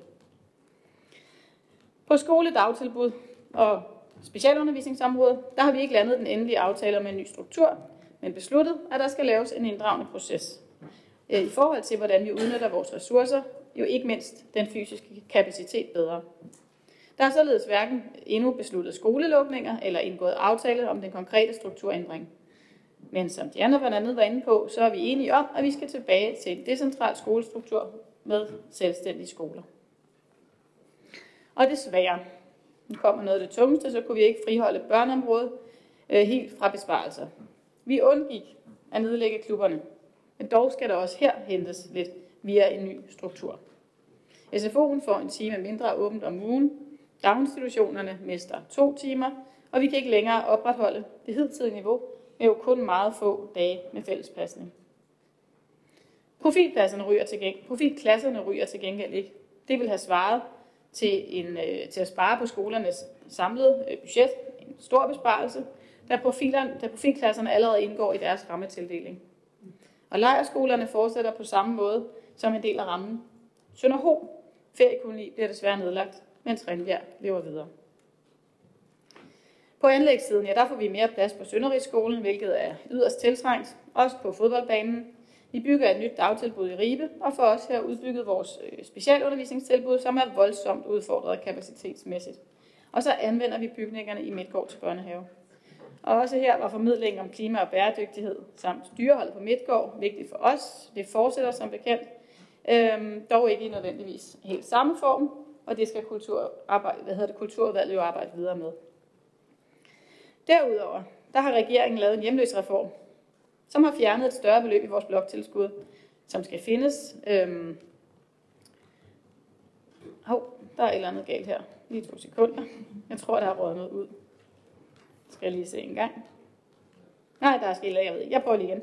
Øhm, derudover har regeringen i hvert fald lavet en hjemløsreform, øhm, og den betyder, at vi fremadrettet ikke får det samme bidrag til vores forsorgshjem som førhen, hvorfor vi er nødt til at omlægge indsatsen. Derfor er det besluttet, at seks af vores øh, forsorgspladser øh, skal laves til midlertidige botilbud i stedet. Og i det lys giver det i vores øjne øh, god mening. Øhm, der var flere ting på kulturområdet, som vi, som vi i lyset af de svære budgetforudsætninger godt kunne have prioriteret fra. Men lige netop den nye opera mener vi rent faktisk spiller en vigtig rolle i forhold til at sætte Esbjerg på landkortet, som man jo håber at kunne med kultur- og oplevelsespuljen. Derfor er vi glade for, at denne får lov at fortsætte som hidtil. Her havde vi også mistet. Et statstilskud havde vi skåret yderligere. Og det samme gælder jo Erasmus. Der er udveksling, som bidrager til kompetenceudvikling af vores fagpersonale på skolerne. Her havde vi mistet et anseligt beløb i EU-midler, øh, og dermed også en, del, en hel del kompetenceudvikling, hvis vi havde sparet vores mindre tilskud væk. Blandt nogle af de forslag, vi desværre ikke kunne finde plads til, men som vi forhåbentlig kan komme videre med næste år, ja, der var blandt andet vedligehold af vores skoler, samt en styrket indsats hos sundhedsplejen i forhold til den mentale sundhed hos både børn og forældre. Et virkelig godt forslag, som vi meget håber, at vi måske i fremtiden vil kunne prioritere. Jeg fik heller ikke helt gjort op med kulturpuljen. Det havde jeg nu nok heller ikke tur håb på. Men vi brugte heller ikke så mange penge herunder i den omgang. Og vi kunne ikke friholde alt på skole- og dagtilbud, og besparelsen på psykologisk center, hånd om familien med mere, blev som sagt kun reduceret med en tredjedel. Men alt i alt så er det et budget, som er indgået under svære forudsætninger, og som desværre indeholder rigtig mange besparelser. Selvfølgelig havde det set anderledes ud, havde vi hver især selv været vores eget bud på et budget, men vi har med aftalen i mine øjne sammen trukket budgettet så langt vi kan i den rigtige retning under de givende omstændigheder. Og under hensyn til, at der jo skal være et flertal bag, hvis det skal ændre noget i den virkelige verden. Der er som sagt blevet indgået mange kompromiser, men det er alligevel andet en smule bedre, end vi havde frygtet. Vi har til med, og trods de svære forudsætninger, haft en god proces med et godt samarbejdsklima, så tak for det. Og så skulle jeg egentlig have sagt, at det var ordene på vegne af Radikale Venstre, men så kunne jeg jo se, at øh, der var noget, der på mærkværdig vis var lidt ud, og det hænger meget fint sammen med noget af det, nye borgerlige var inde på. Fordi det her med, at vi laver øh, administrative besparelser øh, og skal lave ekstra næste år, er det 15 millioner og 25 millioner det kommende år, det er jo ikke noget, vi pålægger, det er noget, vi er blevet pålagt fra staten. Og det, jeg ville have sagt, hvis det ikke havde været ud, det var, at, øh, at vi håber meget, at regeringen holder øh, deres løfte, og det de har bebudet, at de vil komme med nogle bud på, hvad det er, vi ikke skal længere øh, gøre rent administrativt. Øh, det ser vi meget frem til, og håber også, at vi kan presse på for. Så det var lige svar til Sabrina, øh, at, at det er altså ikke, det er ikke noget, vi har pålagt, det er noget, vi er blevet pålagt. Øh, og i forhold til det med institutionerne øh, og åbningstiden, jeg har forstået det sådan, at de selv, og nu ikke er udvalgsformanden, selv tager stilling til lokalt og i forhold til deres forældregruppe, hvor, hvor, hvor, hvornår de reducerer åbningstiden. Det var i hvert fald noget, øh, jeg mindst vi drøftede, og vi var enige om. Øhm, og så er der de forundersøgelser. Nu kan jeg ikke nå at respondere på alt, der blev nævnt, men, men jeg mener også, øh, at de borgerlige nævnte noget om, at, at vi laver mange forundersøgelser. Ja, lige netop. Og det er noget af det, vi fra radikal side igen og igen har nævnt under budgetforhandlingerne. Og denne gang lykkedes det faktisk at også, at vi fik skrevet ind, at vi skal være skarpere på prioritering i forhold til at sætte nye ting i værk, fordi vi skal kunne følge op på de ting, vi sætter i værk, i stedet for at sætte for meget i værk. Så det er også noget, der er kommet med. Og så vil jeg egentlig bare have sagt, overordnet, så synes jeg, det er sådan, det er spændende at høre, øh, hvorfor Nye Borgerlige egentlig øh, gik fra forhandlingerne. Men jeg synes, det er ærgerligt, at der kommer så meget her på bagkant, fordi det, det kunne måske have været lidt mere konstruktivt, vi havde taget det under forhandlingerne. Det kunne være noget af det, der rent faktisk var blevet øh, til noget i budgettet. Det er jo ikke alt, vi er 100% øh, uenige i. Øh, så måske vil man næste gang overveje at komme med de ting øh, under forhandlingerne, så vi kunne, øh, så vi kunne forholde os til dem øh, der. Det var, ja, det var de kommentarer, alle det jeg kunne nå at kommentere på. Tak for det. Så nåede vi rundt, øh, og øh, alle har fået lov til at sige, hvad de ville, og øh, nu er ordet sådan set øh, frit, hvis der er flere, der har øh, lyst til at kommentere på det. Jeg vil også øh, lige øh, selv kvittere for, øh, der var jo, øh, jeg vil ikke sige, det var ens lydende taler, men der var sådan lidt samme melodi, i hvert fald i fem ud af de seks taler, der blev holdt her, som øh, de partier, der var med i budgettet. Og så øh, er jeg da ærgerlig over, at Nye Borgerlige valgte at stå uden for budgettet. Jeg synes, det havde været stærkt, hvis vi havde stået sammen. Men det er jo nu bare engang sådan, at man er nødt til at bøje sig lidt imod hinanden, hvis man skal indgå i en budgetaftale. Og, og øh, med, med de ting, der blev også øh, nævnt her, øh, jeg skal ikke gå ind i dem alle sammen, men, men bare lige nævne et, et par af dem, som, som forlisparterne ikke var enige i. Eksempelvis har vi investeret Øh, de 16 medarbejdere, som, som øh, du nævner, Sabrina, i, øh, i øh, at styrke indsatsen over for de unge i en håndholdt indsats. Øh, det er, kan godt være, at man ikke er enig i det, men, men det er jo altså noget, som resten af, af parterne vil. Så hvis man skal være med i et budget, så er man selvfølgelig nødt til at også acceptere sådan en, en præmis. Øh, og så er jeg der, vil jeg da gerne bakke op om Anne-Maries øh, udsagn om, at øh, det er jo øh, dejligt, hvis det er inde i lokalet, man kommer med de ting, man gerne vil arbejde for, så det ikke er her bagefter, fordi det er en lille smule sent at komme med ting på bagkant, som, som ikke har været drøftet i forhandlingslokalet. Det er der i hvert fald ikke nogen chance for, at man så får, får lydhørighed over for det.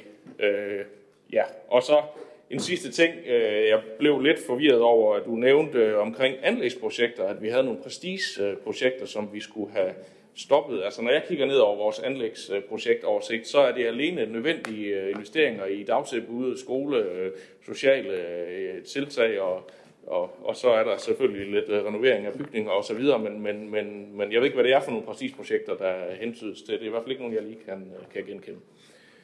Men lad det være ordene herfra, og så er der ellers mulighed for flere at byde sig til. Jeg kan se, at Hans Erik Møller han har markeret, så værsgo. Ja, tak. Jeg har efterhånden været med til rigtig mange budgetter. Øh, de har forskellige sværhedsgrad, det er der ingen tvivl om.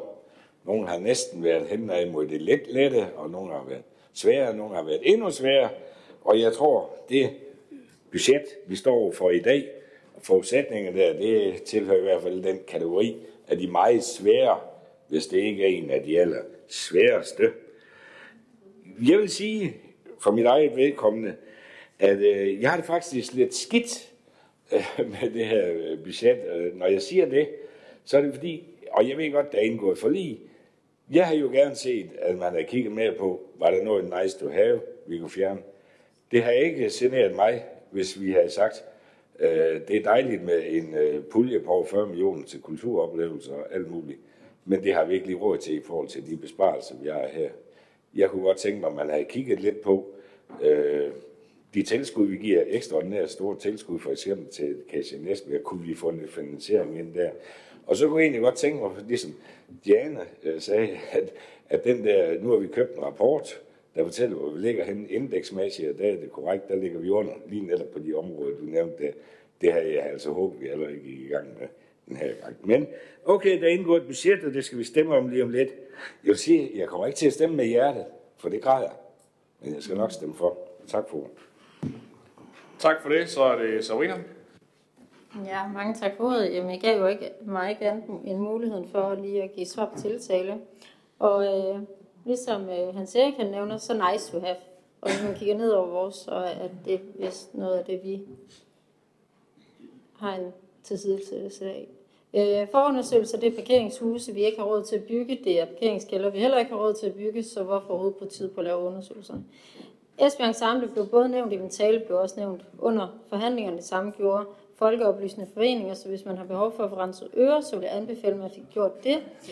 Investering i de unge, ja, man kan jo sagtens kalde det en investering, men det forudsætter stadig, at man opnår den besparelse på serviceområdet, som der lægges op til. Og der har vi jo bare erfaringsmæssigt også oplevet, at de besparelser, man vedtager, der skal ske ved en investering, de ikke bliver indfriet. Eksempelvis her på Rådhuset skulle man renovere, og man skulle opnå en bestemt besparelse. Det fandt ikke sted, og det skete ikke. Så nogle gange må man også godt være lidt reflekterende omkring de investeringer, man vælger at lave.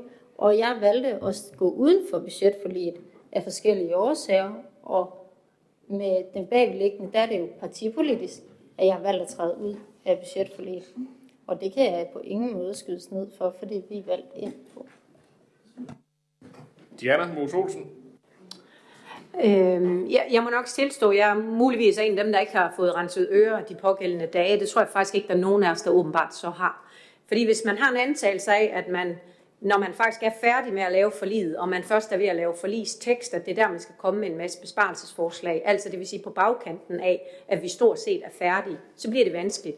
Og det samme med herinde i byrådssalen. Så man kan sige, en anden gang vil jeg bare anbefale, at man tager dem op undervejs. Øh, og hvis ikke, at du er blevet hørt, jamen beklager meget, øh, så kan det være, at du skal råbe lidt højere. Tak for det. Anne-Marie? Jamen, jeg vil egentlig bare lige sige, øh, bare bakke op om, altså, ja, om det, han siger, siger. Jeg er jo meget enig, øh, men, men ja, det landede, som det gjorde den her gang, og så vil jeg egentlig også bare opfordre til, at vi holder den gode tone. Altså, øh, det har vi gjort under budgetforhandlingerne, og det synes jeg har været så dejligt. Jeg synes virkelig, der er blevet et, øh, et godt arbejdsklima, og det håber jeg bare, at vi kan gøre fremadrettet. Ja. Tak for det. Der er ikke flere på øh, talerlisten, så jeg tror ikke, vi skal forlænge, eller det kan jeg selvfølgelig ikke helt bestemme, men, men vi behøver ikke forlænge debatten, tænker jeg. Det ændrer nok ikke på beslutningerne alligevel, øh, når vi kommer til og skal trykke på knappen øh, efterfølgende. Så det, der ligesom ligger i, øh, ud over alt det, der er blevet sagt, så er der jo en lang række øh, øh, ting, vi beslutter med det her budget, og det er simpelthen så mange ting, at det er så småt på de skærme, der står her, at man nærmest ikke kan læse det. Men det står jo i, øh, altså over på, øh, på de visuelle øh, udlægninger her.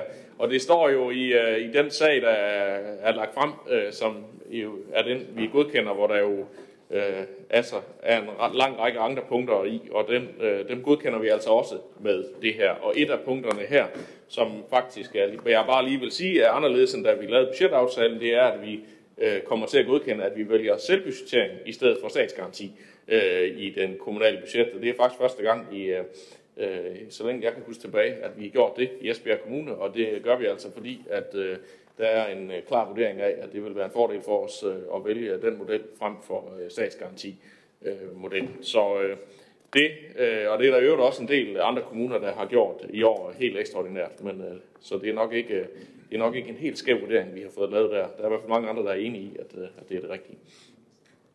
Men øh, det er sådan, at øh, der er øh, 219 forslag, vi skal til at stemme om nu her. Vi tager dem i grupper, øh, bare roligt.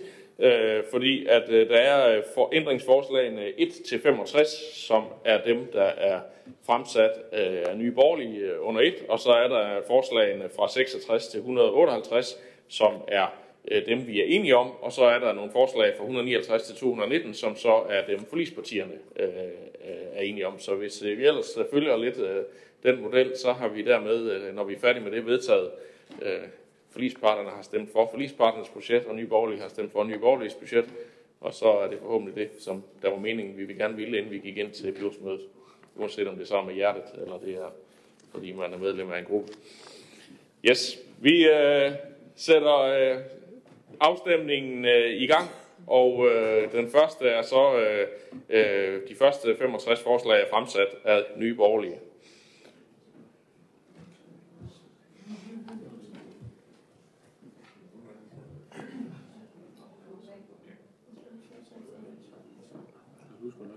Ja, det var jeg så ikke lige kommet til.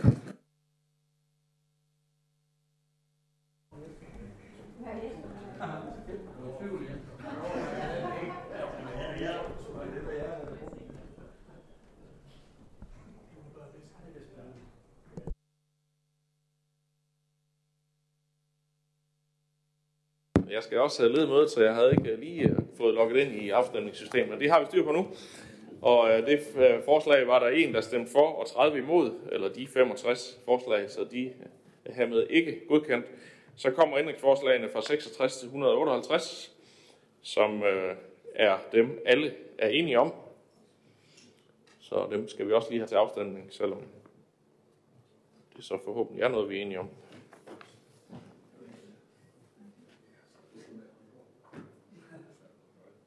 Det var vi der. De er hermed godkendt, og så er der forslagene 159 til 219, som forlisparterne er enige om.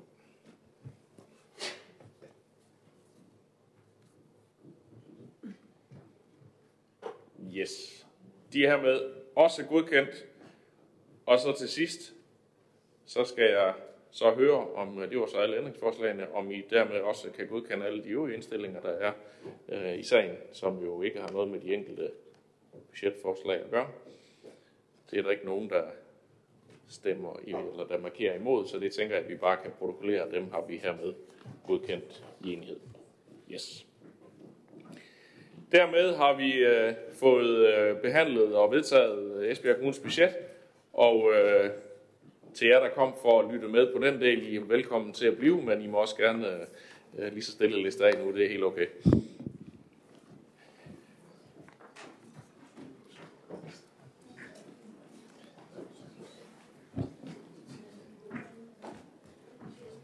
Det bringer os nemlig videre til øh, sag øh, nummer 4,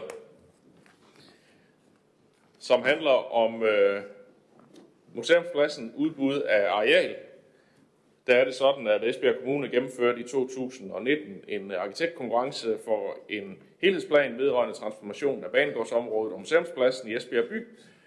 Og øh, der har teknik og miljø i gang sat arbejde med at udvikle planerne for delområdet til museumspladsen. Den her sag, der er det så en orientering om, at øh, byrå, til byrådet om, at øh, organiseringen af det videre arbejde med museumspladsen og også en anmodning om frigivelse af et lille rådsbeløb til finansiering af det arbejde, der handler om at klargøre øh, processen, sådan at vi kan få, få øh, det til at blive til noget og få udbudt øh, det areal dernede. Det har økonomiudvalget godkendt, og Det ser ikke ud til, at der er nogen byråd, der har bemærkninger til, så det kan vi hermed også godkende i enighed. Det bringer os så videre til sag nummer 5, som handler om en ændring af forretningsordenen for Esbjerg Byråd. Der er det sådan, at Indrigsministeriet har lavet en ny normal forretningsorden for kommunalbestyrelser, og det foreslås, at forretningsordningen for Esbjerg forretningsordenen for Esbjerg Byråd ændres, så den følger Indrigsministeriets nye udgave. Ændringerne består hovedsageligt i en modernisering af sprogbrugen. Vores egen forretningsorden afviger på enkelte punkter fra ministeriets udgave, og disse afvielser bevares uændret. Samt set foreslås det, at forretningsordenen for Esbjerg Byråd ændres i overensstemmelse med den nye udgave for Indrigsministeriet med fastholdelse af de særlige bestemmelser, byrådet tidligere har vedtaget. Ændringer af forretningsordenen skal ifølge Indrigsministeriet behandles på to ordinære byrådsmøder. Jeg skal høre, om der er nogle bemærkninger til den sag. Det synes heller ikke at være tilfældet, så det kan vi også godkende. Det bringer os videre til øh, sag nummer 6, som handler om øh, Ribe Boligforening, øh, afdeling 30 på Nipsvej, hvor der er en helhedsplan. Der er sendt en ansøgning til Esbjerg Kommunes øh, om deltagelse vedrørende garantistillelse i deres afdeling 30 på Nipsvej i forbindelse med gennemførsel af helhedsplanen. Helhedsplanen indeholder nedrivning af det eksisterende byggeri øh, af 10 boliger og efterfølgende genopførelse samt fortætningsbyggeri indeholdende 11 nye boliger og dermed en ansøgning i forhold til nybyggeriet. Der er for helhedsplanen og nybygger øh, ideen taler om et projekt. Det er øh, en, det er fysisk og øh, det er en fysisk og økonomisk forudsætning, at projektet det så kan gennemføres samtidig og samlet. Byrådet godkendte den 20. december 21 skema A for projektet, og efter, efter licitation af anlægsarbejderne har den samlede anlægssum ændret sig fra 37 millioner, som det var i skema A, til 49 millioner i skema B, svarende så til en stigning på 25 procent. Jeg skal høre, om der er nogle bemærkninger til det, eller vi fortsat kan støtte op om det projekt. Det vil i hvert fald være en forskyndelse af området, så det tror jeg, vi her i enighed kan bakke op om. Det kan vi. Det bringer os øh, videre til øh, sag nummer 7, som handler om kommuneplan og lokalplan for Tangvej. En sag fra plan- og byudviklingsudvalget, Henning. Så nu øh, får du ordet. Vær så god. Tak skal du have. Det handler jo rent faktisk om en bygning derude, som tidligere har huset en politistation. Den blev forladt af politiet for nogle år siden og har stået delvis tom. Men nu er bygningen blevet solgt, og der er nogen, som er interesseret i at lave nogle seniorvenlige boliger blandt andet. Og den her plan, den giver også mulighed for, at en mindre del af bygningen kan anvendes til for eksempel sundhedserhverv, eller serviceerhverv, liberale erhverv eller kontorerhverv.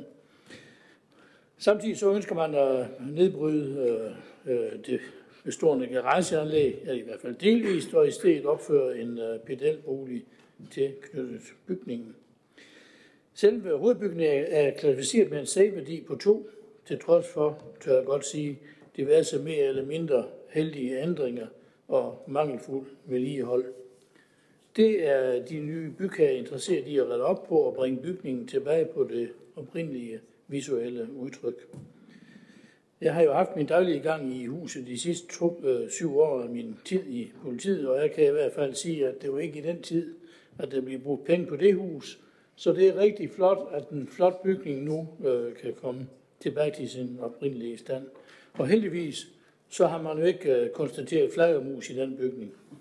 Så der er vel ikke nogen hindringer for at udføre den her ombygning. Der har under forløbet været en rigtig god dialog og et godt samspil mellem forvaltningen og de øh, bygherrer, som er i gang med huset. Og den 7. september godkendte plan- og byudviklingsudvalget indstilling om at sende forslaget i 8 ugers offentlig høring, dog med den tilføjelse, at ønsket om lidt højere tagvinduer og bredere alterner blev imødekommet. Hans Erik Møller deltog ikke i Særens behandling, da han var fraværende. Økonomiudvalget tilsluttede sig ugen efter plan- og byudviklingsudvalgets beslutning, og det indstilles til byrådet, at de også gør det. Tak. Tak for det. Der er ikke nogen, der har markeret her, så det ser det ud til, at byrådet kan. Så den er hermed godkendt.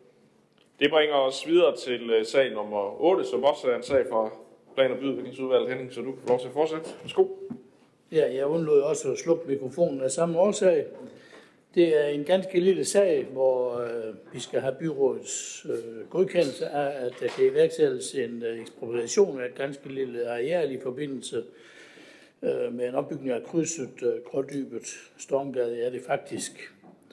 Øh, det handler om et øh, ganske lille areal i det nordvestlige hjørne af krydset, hvor vi skal have lyssignalet øh, fremtidssikret, og vi skal have udvidet og forlænget svingbanen.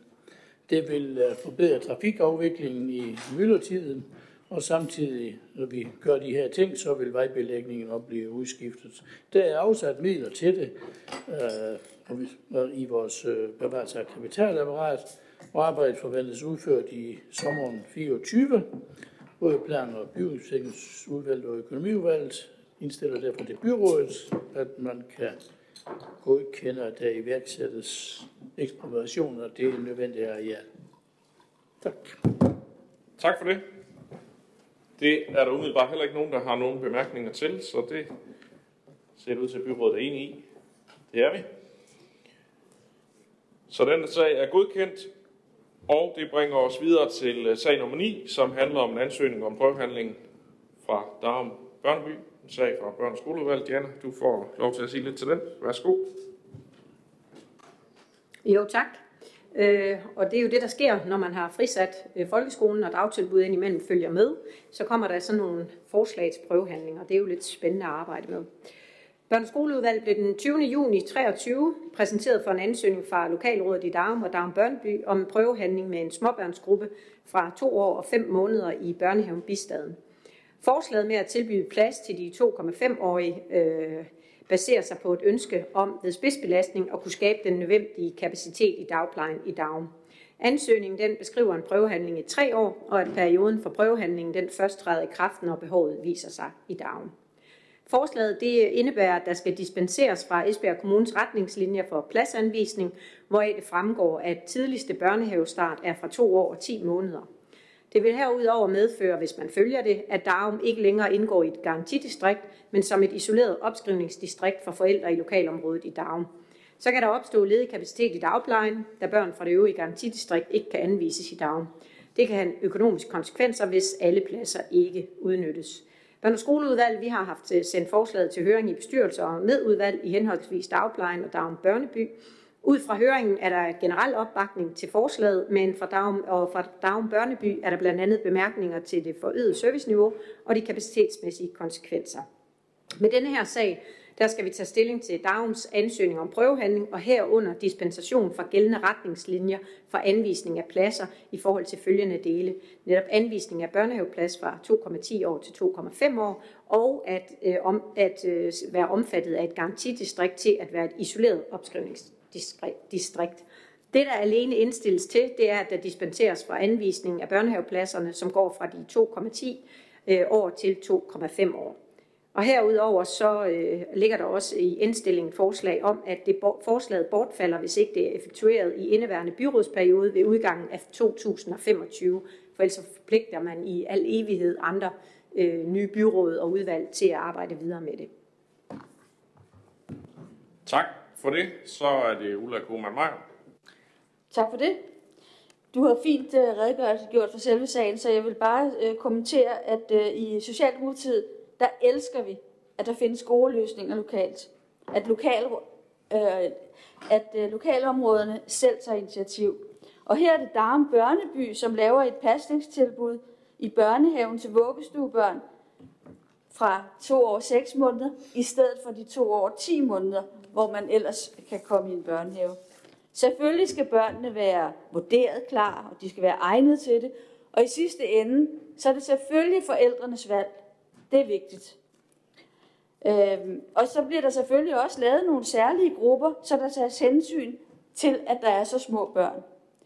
Det er et initiativ, øh, som er super godt, og som er lavet for vores egne borgere. Dem, der bor her nu, det kan vi virkelig godt lide. Og at øh, darmbørnene kan blive i darm, det er bare rigtig dejligt. Tak for ordet. Tak for det. Så er det Sabrina Bæk Barsvin. Ja, i Nye Borgerlige der er vi rigtig positive over det her lokale initiativ. Det er virkelig rart at opleve, hvordan man lokalt bidrager til at få løst nogle lokale pasningsudfordringer. Det afgørende for mig og Nye Borgerlige er, at det er familien selv, der beslutter, om de vil lade børn, barnet overgå til børnehaven, inden barnet er to år og 10 måneder. Det er fornuftigt, at der afprøves inden for indeværende valgperiode, så vi kan erfare af det her, denne her overgangsinitiativ. For lige så vel som vi kan erfare, hvad vi aktuelt gør i hele kommunen, om det er det rette, kan det lige så vel være, at det også er nogle tiltag, som vi kan drage nytte af og udbrede til resten af kommunen. Tak for det. Tak for det. Og oh, der kom lige en mere på listen. Anne-Marie, værsgo.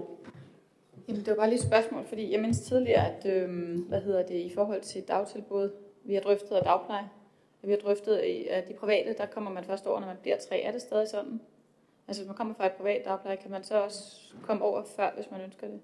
Det har i hvert fald før været en udfordring. Og om ikke andet, I bare vil kigge på det. Det var bare noget, der lige uh, dukkede op. Det er en ekstra til, kan jeg høre, så det uh, kan der kigges på. Uh, men i hvert fald sagen her handler om, uh, om uh, en prøvehandling i darm, og den uh, kan vi bredt bakke op om, så uh, det kan vi hermed i fællesskab godkende.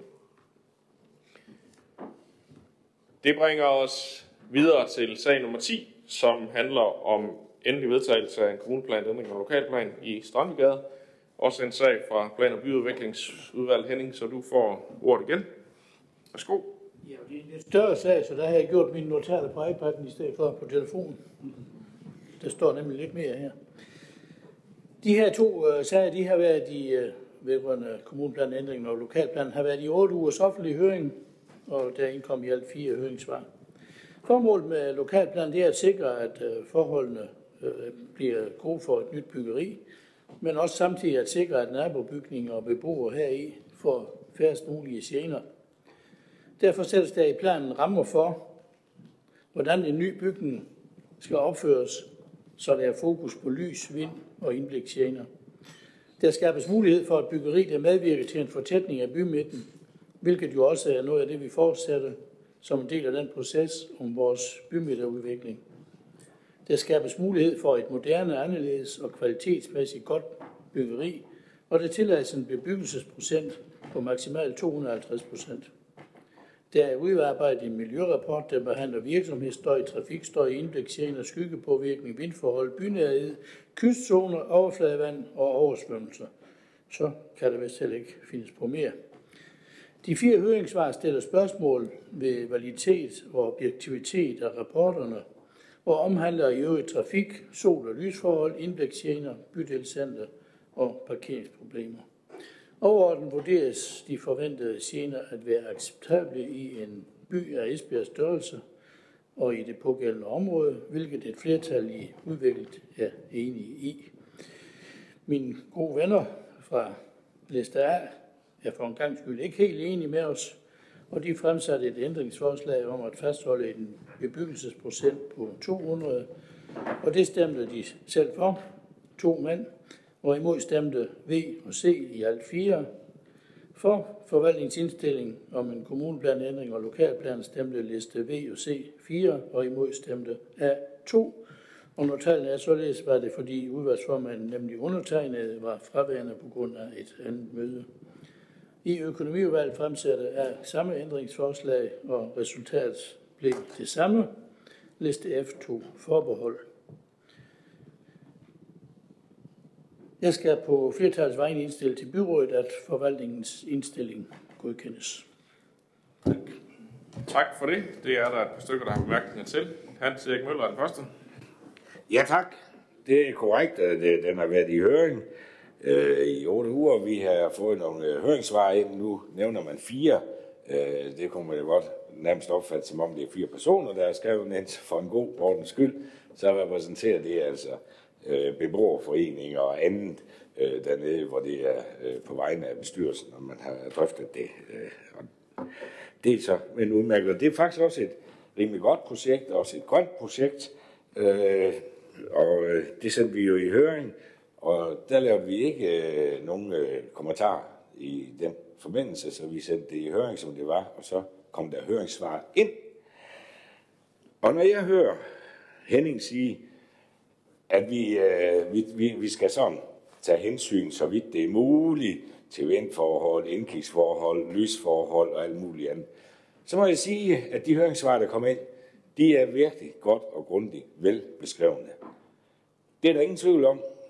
Og øh, nogle af tingene, øh, for eksempel de trafikmæssige problemer, de øh, beskriver, de parkeringsmæssige problemer, de beskriver, det er ikke der, vi har de store indsigelser.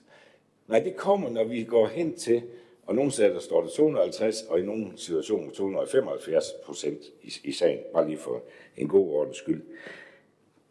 Det, der det handler om, det er, at man går fra fem etager, som er det, der er gældende dernede i dag i området. Så går man op på ni etager.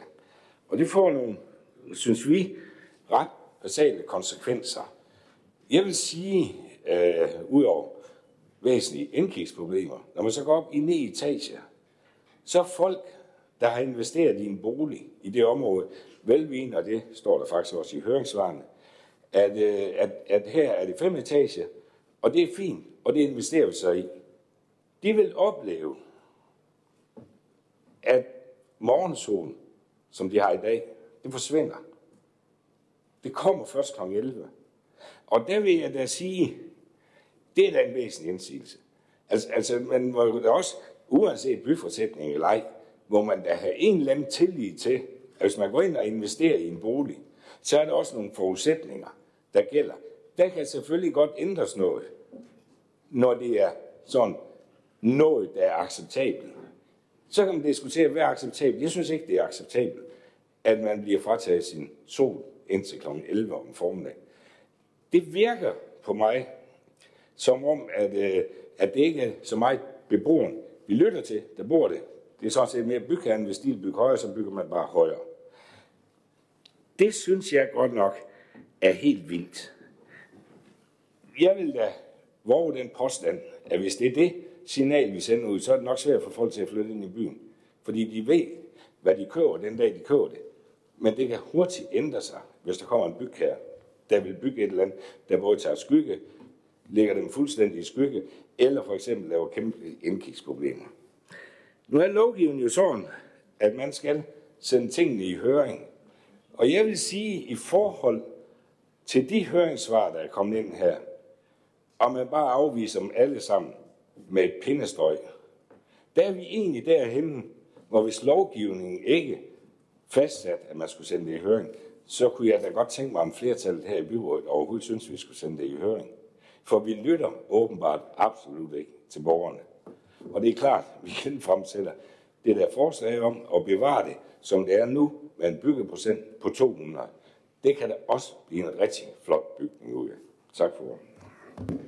Tak for det. Så er det Henrik Andersen. Tak for det.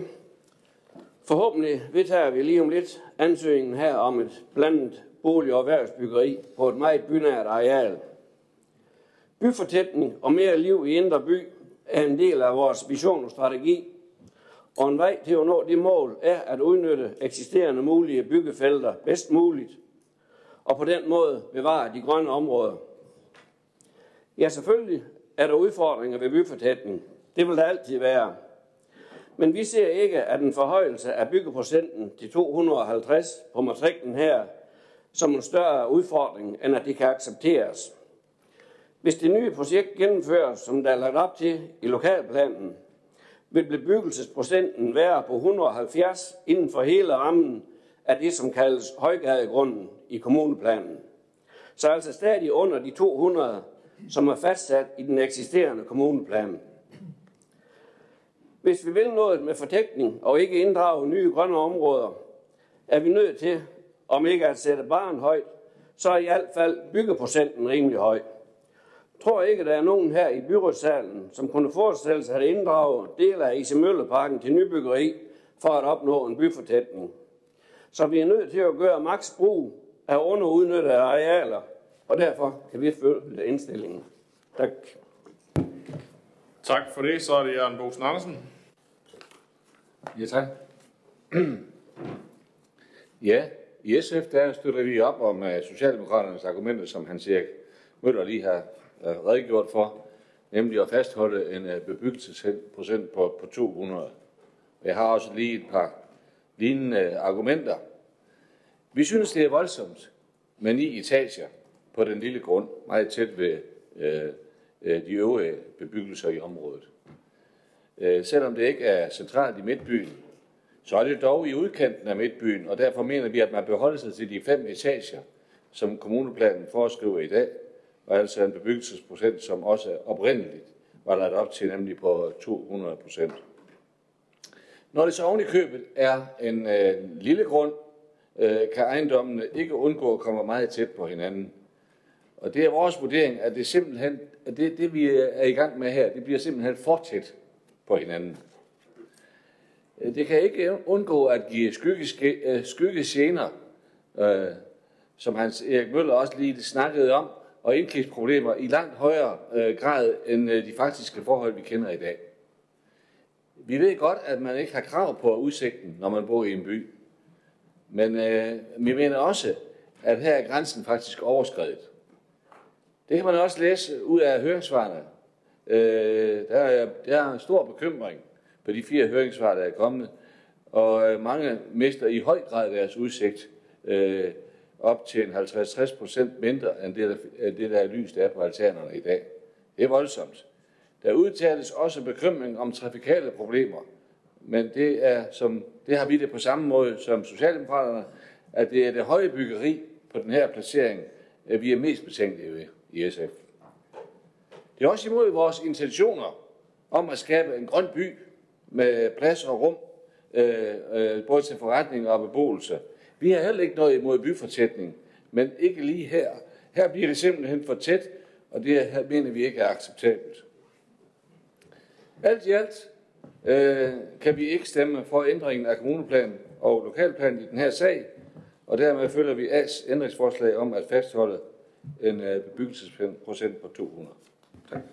Tak for det. Nu tager jeg lige selv ordet her, fordi at, øh, det jo, nu fik vi jo også SF's øh, tilkendegivelse på banen øh, her.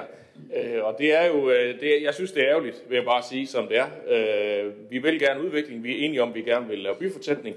Vi er også enige om, øh, hører jeg, at vi vil gerne bygge højt byggeri, men når der så kommer nogle konkrete forslag, så er det bare ikke lige her. Øh, jeg synes, vi har haft den snak før, at det, vi kan godt bygge højt nogle steder, men bare ikke lige her. Eller vi kan godt have en højere bebyggelsesprocent, men ikke lige det her projekt. Nu nævner du, Jørgen Bosen, at vi skal passe, vi skal, det skal ikke være det grønne, vi skal, vi skal passe på det grønne. Jeg synes, vi har en bygherre her, der har leveret et projekt, som er efter alle kunstens regler. På en, altså det er på en parkeringsplads i dag, der er asfalteret, som man så vil bygge ovenpå. Så, så det, vi fjerner ikke noget grønt øh, lige præcis ved at bygge øh, her. Øh, øh, og i øvrigt er der jo også, kan man sige, i området øh, andre bygninger. Man skal lige hen til det gamle City Center, så er vi i hvert fald noget over fem etager. Der er vel 100 meter derhen sådan i luftlinje, så jeg synes, de er sådan lidt søgte, de argumenter, der kommer, men det er jo fair nok, at vi ikke er enige om det, og øh, så øh, er jeg da glad for, at der er et flertal, der gerne vil udvikling og byfortætning, ikke kun i, øh, i, i skolesaleren, men rent faktisk også, når det kommer til konkrete projekter, vi skal forholde os til. For det kan jo ikke lade sig gøre, at man laver udvikling, uden at det generer nogen, og uden der er nogen, der, der bliver ramt og får, øh, øh, mister en udsigt, eller får lidt andet skygge, end det man havde i forvejen. Og det øh, er jo klart noget, man skal forsøge at, at undgå mest muligt, men, men man kan nok ikke undgå det helt, når man er midt inde i en by. Øh, det er nok bare præmisserne. Men øh, hvorom alting er, så øh, der er flere på listen her, men så bliver vi nok ikke helt enige om det her, men i hvert fald øh, øh er jeg som sagt glad for, at der er et flertal, der gerne vil være med til at, at få gode projekter realiseret. Henning Ravn. Ja, to ord og så en hel masse af de ting, som jeg lige har gjort lidt notat om her. Øh, og, og en af de ting, det var jo blandt andet, at det er jo nuværende P-plads, der bliver bygget på, men til gengæld, så bliver der lavet parkering ind under, og så laver man grønt område ovenpå til gavn for de beboere. Så, så der bliver mere grønt hjørne bagefter. Men fuld respekt for, at de har en anden øh, holdning, det skal man da helt klart have lov til. Øh, det her byggeri her, det er, er noget, som øh, vil give byen noget. Det er øh, et rigtig flot byggeri, og jeg forstår ikke egentlig helt det her med, at, at man skal kunne bevare udsigt og så videre. Det, det kan man ikke i ret mange store byer. Øh, og, og højt, ja, ni etager. Øh, der er nogle byer, vi behøver bare gå lidt over øst på, så, så griner de lidt af os, kan jeg godt sige, fordi de bygger meget højere. Og han siger ikke, det er ikke noget med, at vi med et pendelstrøg bare fjerner folks høring. svar. Øh, alle høringssvar bliver i forvaltningen vurderet og kigget på. Så, så det er jo ikke sådan, at vi på forhånd siger, at det er vi ligeglade med. Men jeg anerkender da, at der er nogen, der får øh, forringet deres sollys, og jeg anerkender også, at der er øh, nogen, der får formindsket deres udsigt. Men der ligger altså andre store bygninger dernede. Blandt andet ligger der et stort Scandic Hotel, og der ligger en stor kontorbygning. Og, og derfor så er det vores opfattelse, at, at det er nogle øh, gener, som er acceptable, og, og som man må tåle, når man vil udvikle en by. Og vi kommer virkelig i problemer med den øh, proces, vi er i gang med, og det parallelopdrag, som nu bliver afsløret i morgen, hvis ikke vi kan så noget som det her. Tak. Så er det Anne-Marie Greis Larsen. Ja, som nævnt, så er der jo flere øh, temmelig kritiske høringssvar, og derfor så har jeg øh, læst forvaltningssvar på høringssvarene med, med stor interesse. Øh, men jeg synes faktisk, og det har jeg også øh, skrevet til forvaltningen, jeg synes faktisk til tider, det var, det var øh, svært læsbart, og jeg synes også, min oplevelse var, at man går lidt let hen over væsentlige elementer, og derfor så bliver jeg bare bekymret, øh, når der står, Øh, eksempelvis, at øh, ændringen fra parkering til bebyggelse kan måske virke voldsomt, men generelt set passer byggeriet rimelig godt ind i den tidligere planlægning. Og de foreslåede ni etager af det nye byggeri, det ses ikke som en markant ændring i forhold til de tidligere 8 eller 5 etager. Øhm, ja, jeg, jeg må sige, at, at jeg har kun sagsfremstillinger til stilling ud fra, når jeg ikke sidder i fagudvalget. Og jeg, øhm, jeg synes, det var et svært grundlag at skulle, øh, at skulle sige ja til det på. Så jeg har faktisk valgt, at jeg kunne vælge at stemme gult, men for at tage stilling, så har jeg valgt at følge, følge SS forslag. Ja. Tak for det. Så er det Hans Erik. Ja, jeg vil faktisk starte med øh, din tale, Jesper. Jeg synes godt nok ikke, jeg kunne genkende den. Jeg synes, du begyndte at tegne en billede af, at vi vil ikke bygge højt. Så kommer men så skal det være et andet sted, eller et eller andet. Jeg kan da fortælle dig, mange steder vi har bygget højt. Vi skal vi starte ned på faldgrunden. Der er der bygget rimelig højt. Skal vi starte ud ved Vognsbyggeparken, ude ved den gamle højskole. Der er der også bygget højt. Der er kaktushusene. Det er ikke sådan, at vi per definition ikke vil bygge højt. Men jeg synes også, at vi skal tage hensyn til borgerne. Også de borgere, der bor her. Og jeg synes da godt nok, det, nu, nu er det rigtigt, som Henning siger, at udsigten, øh, ifølge i hvert fald lovgivning og sådan noget, det har man jo ikke krav på øh, på nogen måde. Men lige netop indkigsproblemer og lige netop skyggeproblemer, det er faktisk noget, man skal tage stor hensyn til. Det er ikke bare noget, vi politisk gør her.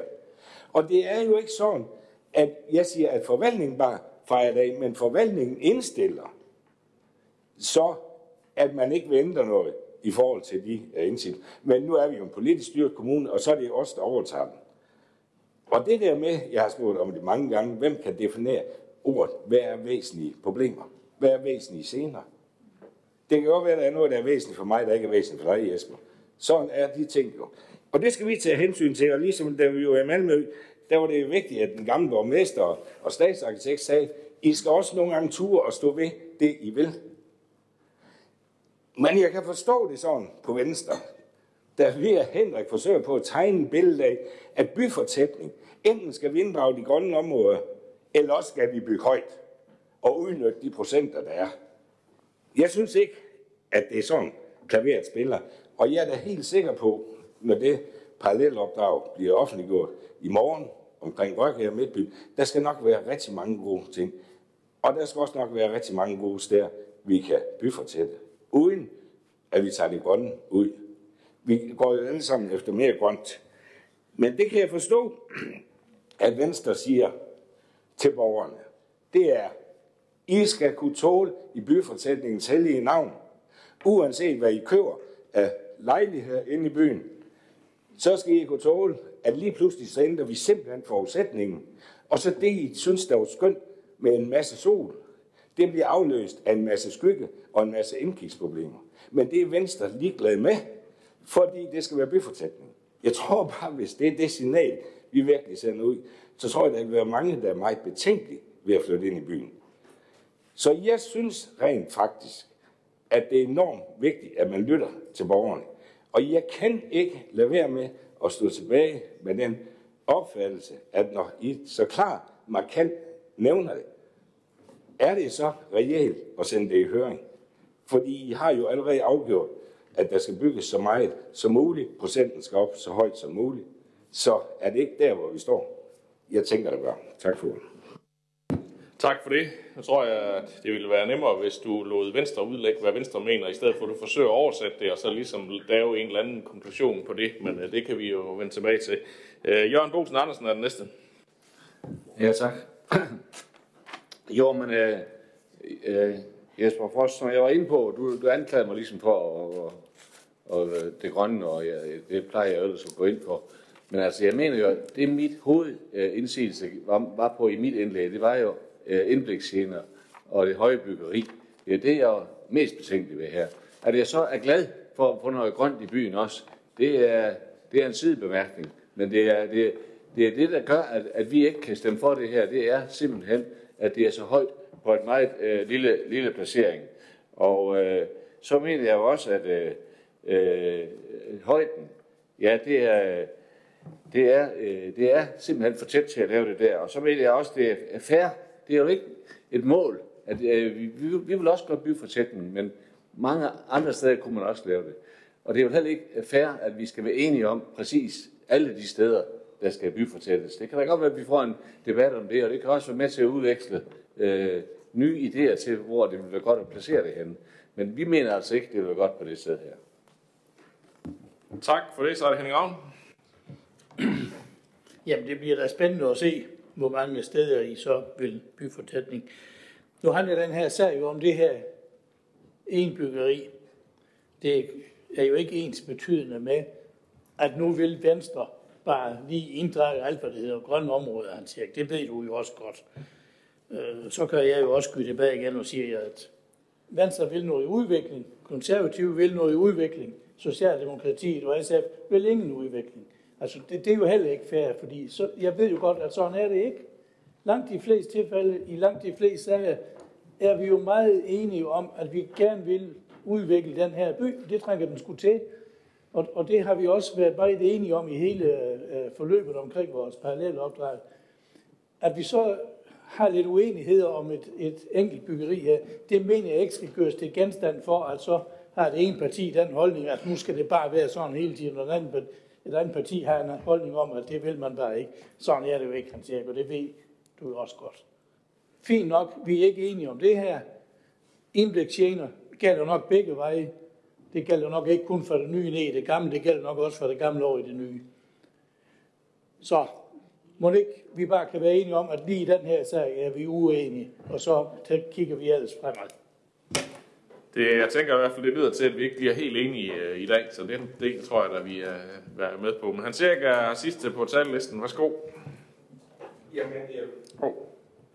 Ja, jeg vil bare sige, at det var nu ikke så meget uh, dig, Henning, jeg skrev på, når der blev snakket det der om de grønne om. Jeg synes, det var helt klart tale fra Henrik sige uh, på Venstres vegne, at uh, enten så uh, må vi inddrage de grønne områder, eller også så skal vi bare bygge højt. Men jeg hørte jer også klart sige, at alle byggefelter skal bare udnyttes så meget som overhovedet muligt. Og så må folk jo leve med de her skyggeproblemer, indkigsproblemer og alt det der. Så øh, det, det synes jeg var en klar holdning, og så var det, jeg tænkte på, hvorfor den sender mig så i høring. Men altså, vi øh, opnår nok ikke enighed, det er ikke lige det, jeg fornemmer lige på nuværende. Tak. Nej, og lige præcis, øh, hvordan du har opfattet, hvad Venstre har sagt, det er jo det, jeg prøvede at sige før. Det, det tror jeg ikke lige... Øh, øh, det tror jeg, det er bedre, at vi hver især lægger ud, hvad vi mener om, øh, om tingene, fordi at, øh, at øh, nu skal jeg lige slukke for din mikrofon, hvis jeg kan det. Sådan. Øh, men øh, men øh, der er, det er ikke enten eller, men øh, det her det er et konkret projekt, vi skal forholde os til, og det er vi så ikke enige i. At nogen synes, det er godt og passer fint ind, og kan vil give noget til byen, og andre har forskellige betænkeligheder øh, ved at sige ja til det. Men vi skal have forholdt os til øh, jeres øh, forslag til ændringsforslag først, øh, om, øh, om en lavere bebyggelsesprocent. Øhm, og øh, den afstemning skal vi have åbnet.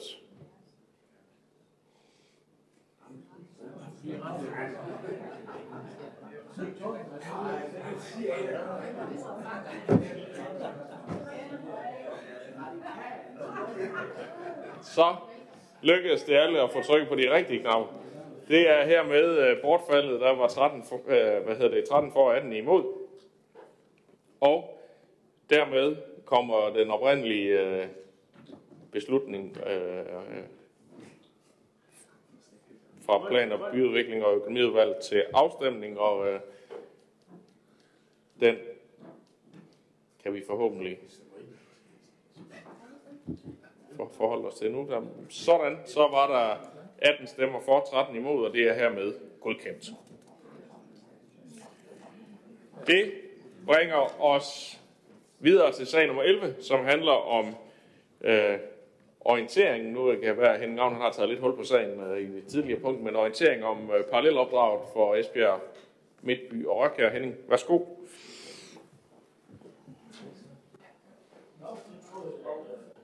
Jeg tror, at formanden for bedømmelsesudvalget, han tog ordet, ligesom han gjorde i økonomiudvalget. Men øh, det kan jeg da godt lægge lidt ord på.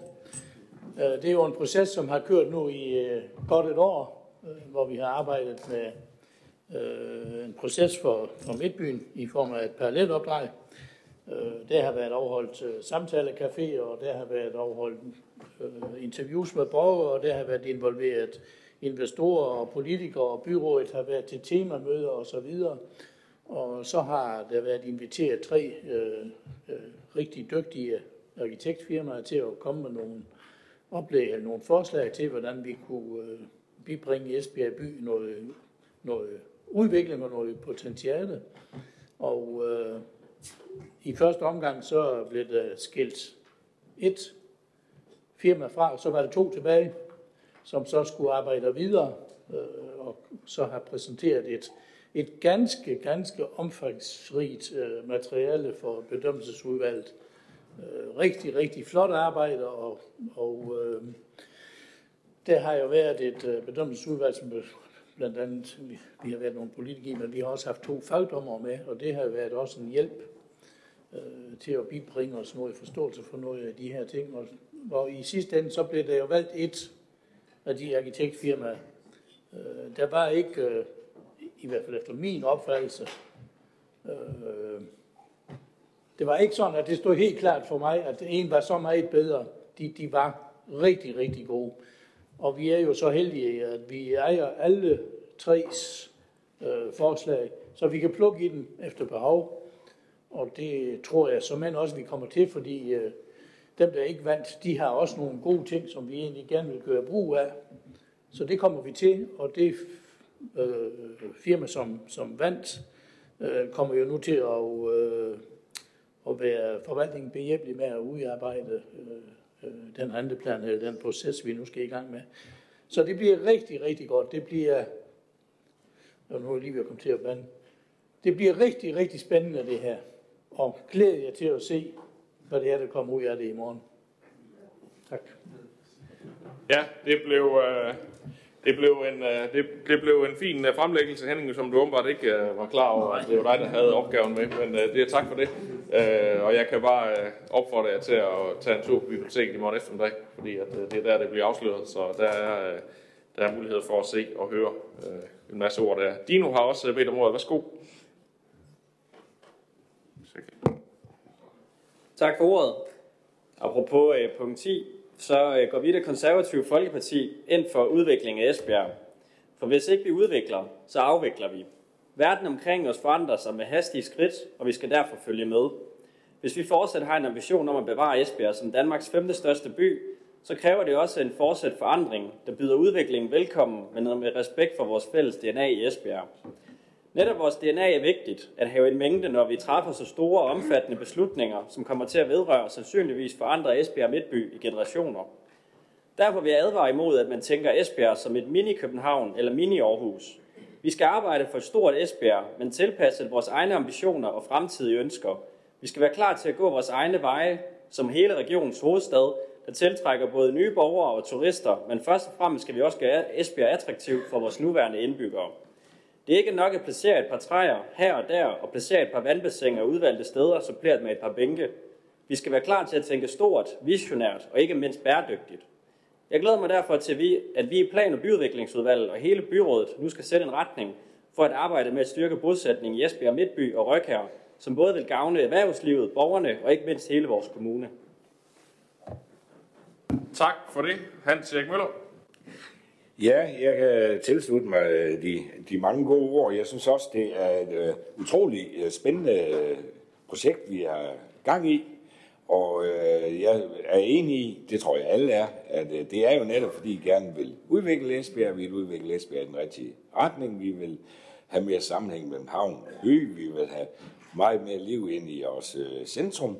Vi vil uh, have Rødkær gjort meget mere aktiv, og så videre, og så øh, vi synes også fra Socialdemokratiet, at det er nogle rigtig spændende oplæg, der har været.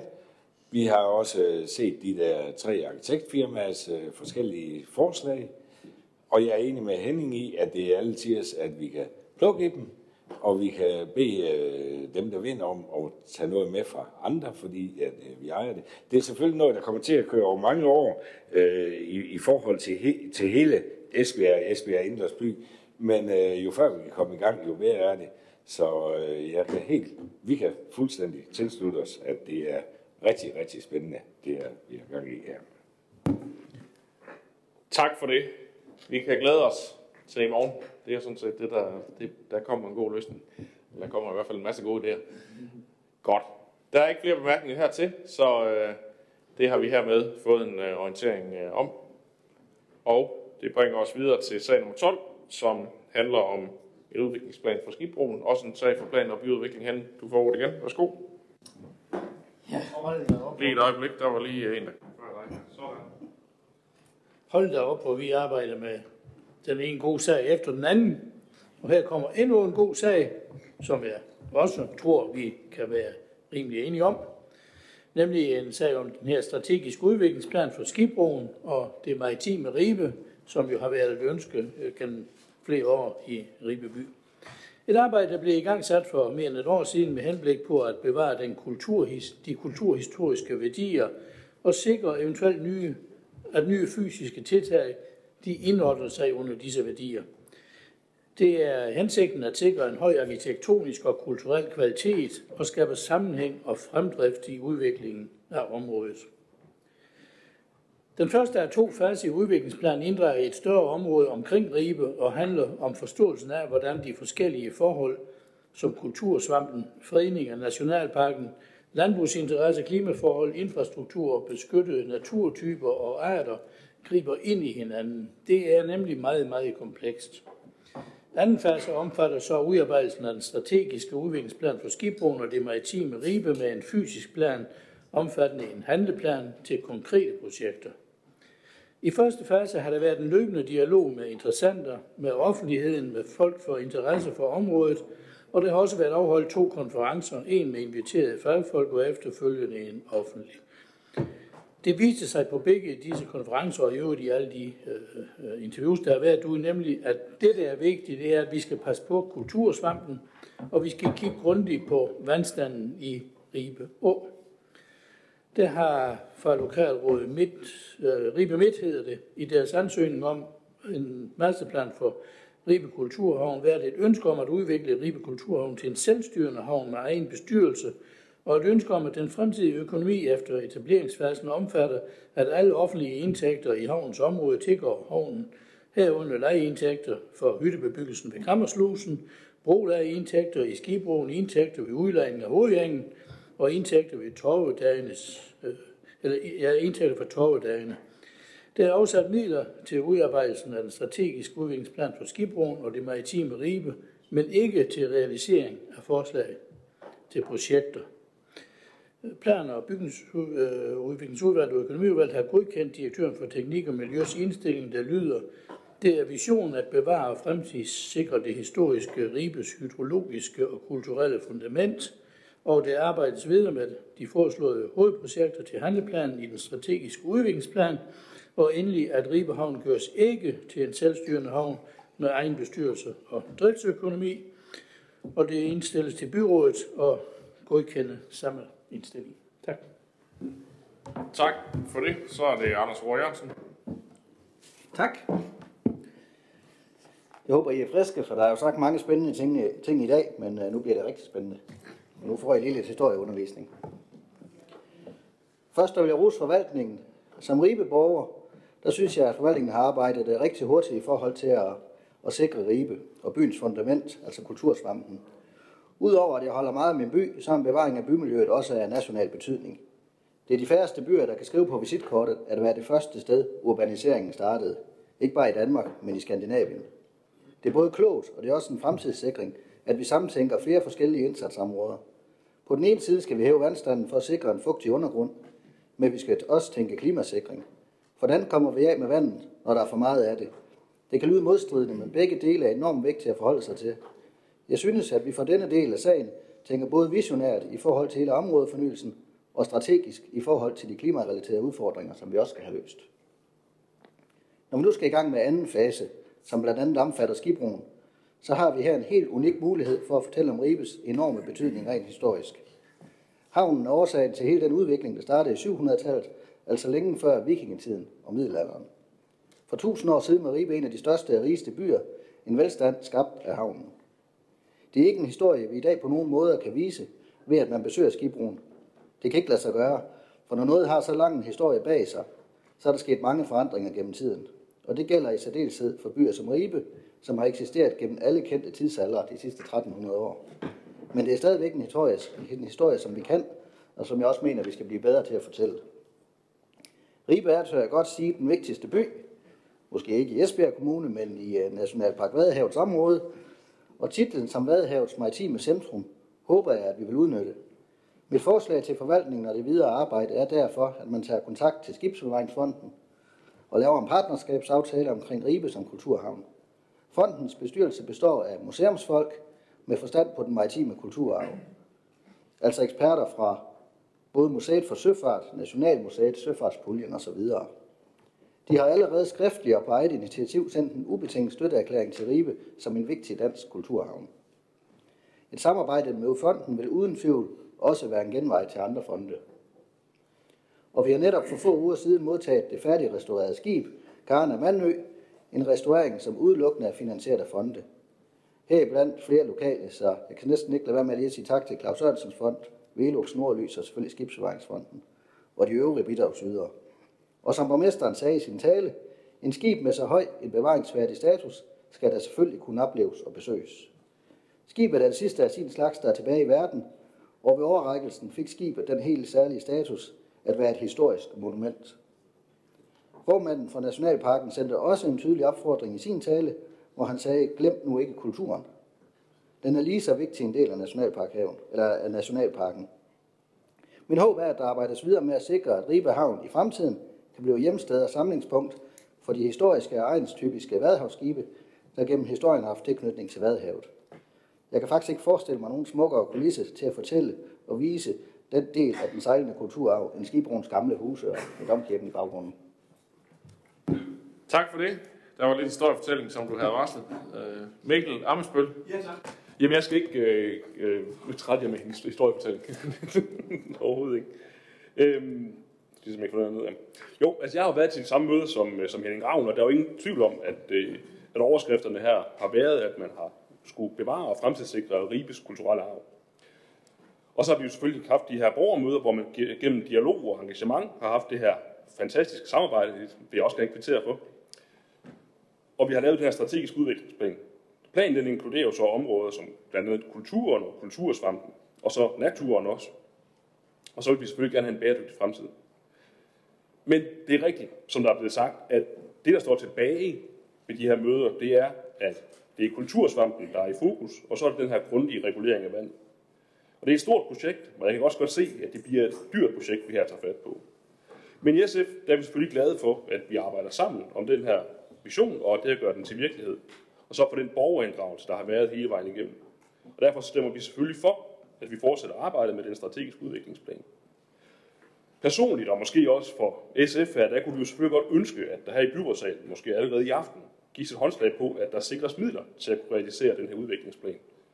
Så vi får en fungerende kulturhavn nede ved Skibroen, og ikke mindst, at vi også sikrer Ribes hydrologiske og kulturelle fundament. Det må være fokus, og det kan jeg forstå på øh, de forskellige taler, der har været her i aften også, at vi i byrådet skal have fokus på, og måske i de kommende budgetforhandlinger, ikke at sætte projekter i gang, som vi ikke også kan følge til dørs. Tak for ordet. Tak. Jeg tænker ikke, vi skal have genåbnet budgettet, Mikkel, øh, som vi lige har vedtaget. Det tror jeg måske vil føre for vidt. Det kunne være kommende. Men, øh, men øh, det er jo et af de øh, projekter, der ligger på listen, som, øh, som øh, måske også lige skal være lidt mere færdig, inden øh, man helt ved, hvad det er for nogle midler, der skal bruges øh, hertil. Men øh, lad os øh, følge indstillingen her og få øh, godkendt øh, sagen, som den er fremlagt. Det gør vi. Så når vi til øh, de to sidste åbne sager, som så bliver fremlagt øh, under et, sag nummer 13 og 14, som handler om magtanvendelser på familie- og voksenområdet. Jakob Lykke, nu øh, går det ikke længere, nu må du på banen igen. Vær så god. Tak for det. Arbejdet med at forebygge magtanvendelse mod børn, unge og voksne på kommunens døgntilbud er et vigtigt fokuspunkt for Social- og Arbejdsmarkedsudvalget. Magtanvendelse kan ikke helt undgås. Nogle gange er det et nødvendigt og lovligt redskab for at varetage den pågældende borgers støtteindsats, omsorg, sikkerhed og værdighed. Ved døgntilbudene på socialområdet vil Esbjerg Kommune dokumenteres og indberettes løbende magtanvendelser til social, øh, Socialtilsyn, Syd og kommunens egen interne kontrolinstanser. På baggrund af disse indberetninger udarbejdes årligt en orienteringssag til byrådet med det samlede overblik over magtanvendelser. Det er det der overblik for 2022, som i byrådet får til orientering her i dag. Som det fremgår af den fremsendte sag, så var der på børneområdet 49 magtanvendelser i 2020, som alle er godkendt af Esbjerg Kommunes interne kontrolinstans. På voksenområdet var det over 80 magtanvendelser i 2020. Heraf var der 11, som ikke var i overensstemmelse med serviceloven, og derfor juridisk set er ulovlige. Selvom der i de konkrete eksempler, som også fremgår af fredsomstillingen, er handlet efter de bedste intentioner og hensigt. På den baggrund er jeg også tryg ved, at vores forvaltning, som beskrevet i statsomstillingen, kontinuerligt arbejder med et særligt fokus på refleksion, læring og udvikling af medarbejdernes redskaber til at håndtere og minimere omfanget af magtanvendelser i vores tilbud i kommunen. På den baggrund så anbefaler jeg, at orienteringen om magtanvendelse i 2022 på vores specialiserede familie- og voksenområdet tages til efterretning, og sagen sendes til orientering i handicaprådet. Tak for Tak for det. Og øh, det gælder så både sag nummer 13 og sag nummer 14, vi dermed her har fået en øh, orientering øh, om. Rasmus Rasmussen har lige bedt om ordet. Værsgo. Ja, tak. Det er bare at knytte en lille kommentar til det. Hele det her begreb omkring magtanvendelse, tit og ofte er det jo også et forkert ord at bruge. Øh, fordi det, det her det har jo også noget at gøre med, at man sørger for at beskytte personalet. At man sørger for at have styr på, om personalet har de rette hjælpemidler, og om der bliver taget hånd om dem i de forskellige svære situationer. Vi har jo nogle institutioner i, i Esbjerg Kommune, hvor der er et rigtig hårdt øh, arbejdsmiljø, og hvor det kan være rigtig svært at styre de forskellige borgere, vi har, øh, og hjælpe dem bedst muligt. Så derfor så jeg har en lille smule svært med det her begreb magtanvendelse, men jeg synes, det er rigtig godt, at vi følger op på det, og det er rigtig, rigtig fint, at der bliver taget så meget hånd om det, også i forhold til personalet og de pårørende, i forhold til de situationer, man ender i derude. Tak. Tak for det. Der er ikke flere, der har meldt sig på talelisten, så øh, det kan vi hermed konstatere, at vi har fået øh, en orientering om. Og det var faktisk øh, afslutningen på den åbne del af mødet, så øh, tak fordi I kom og kiggede med.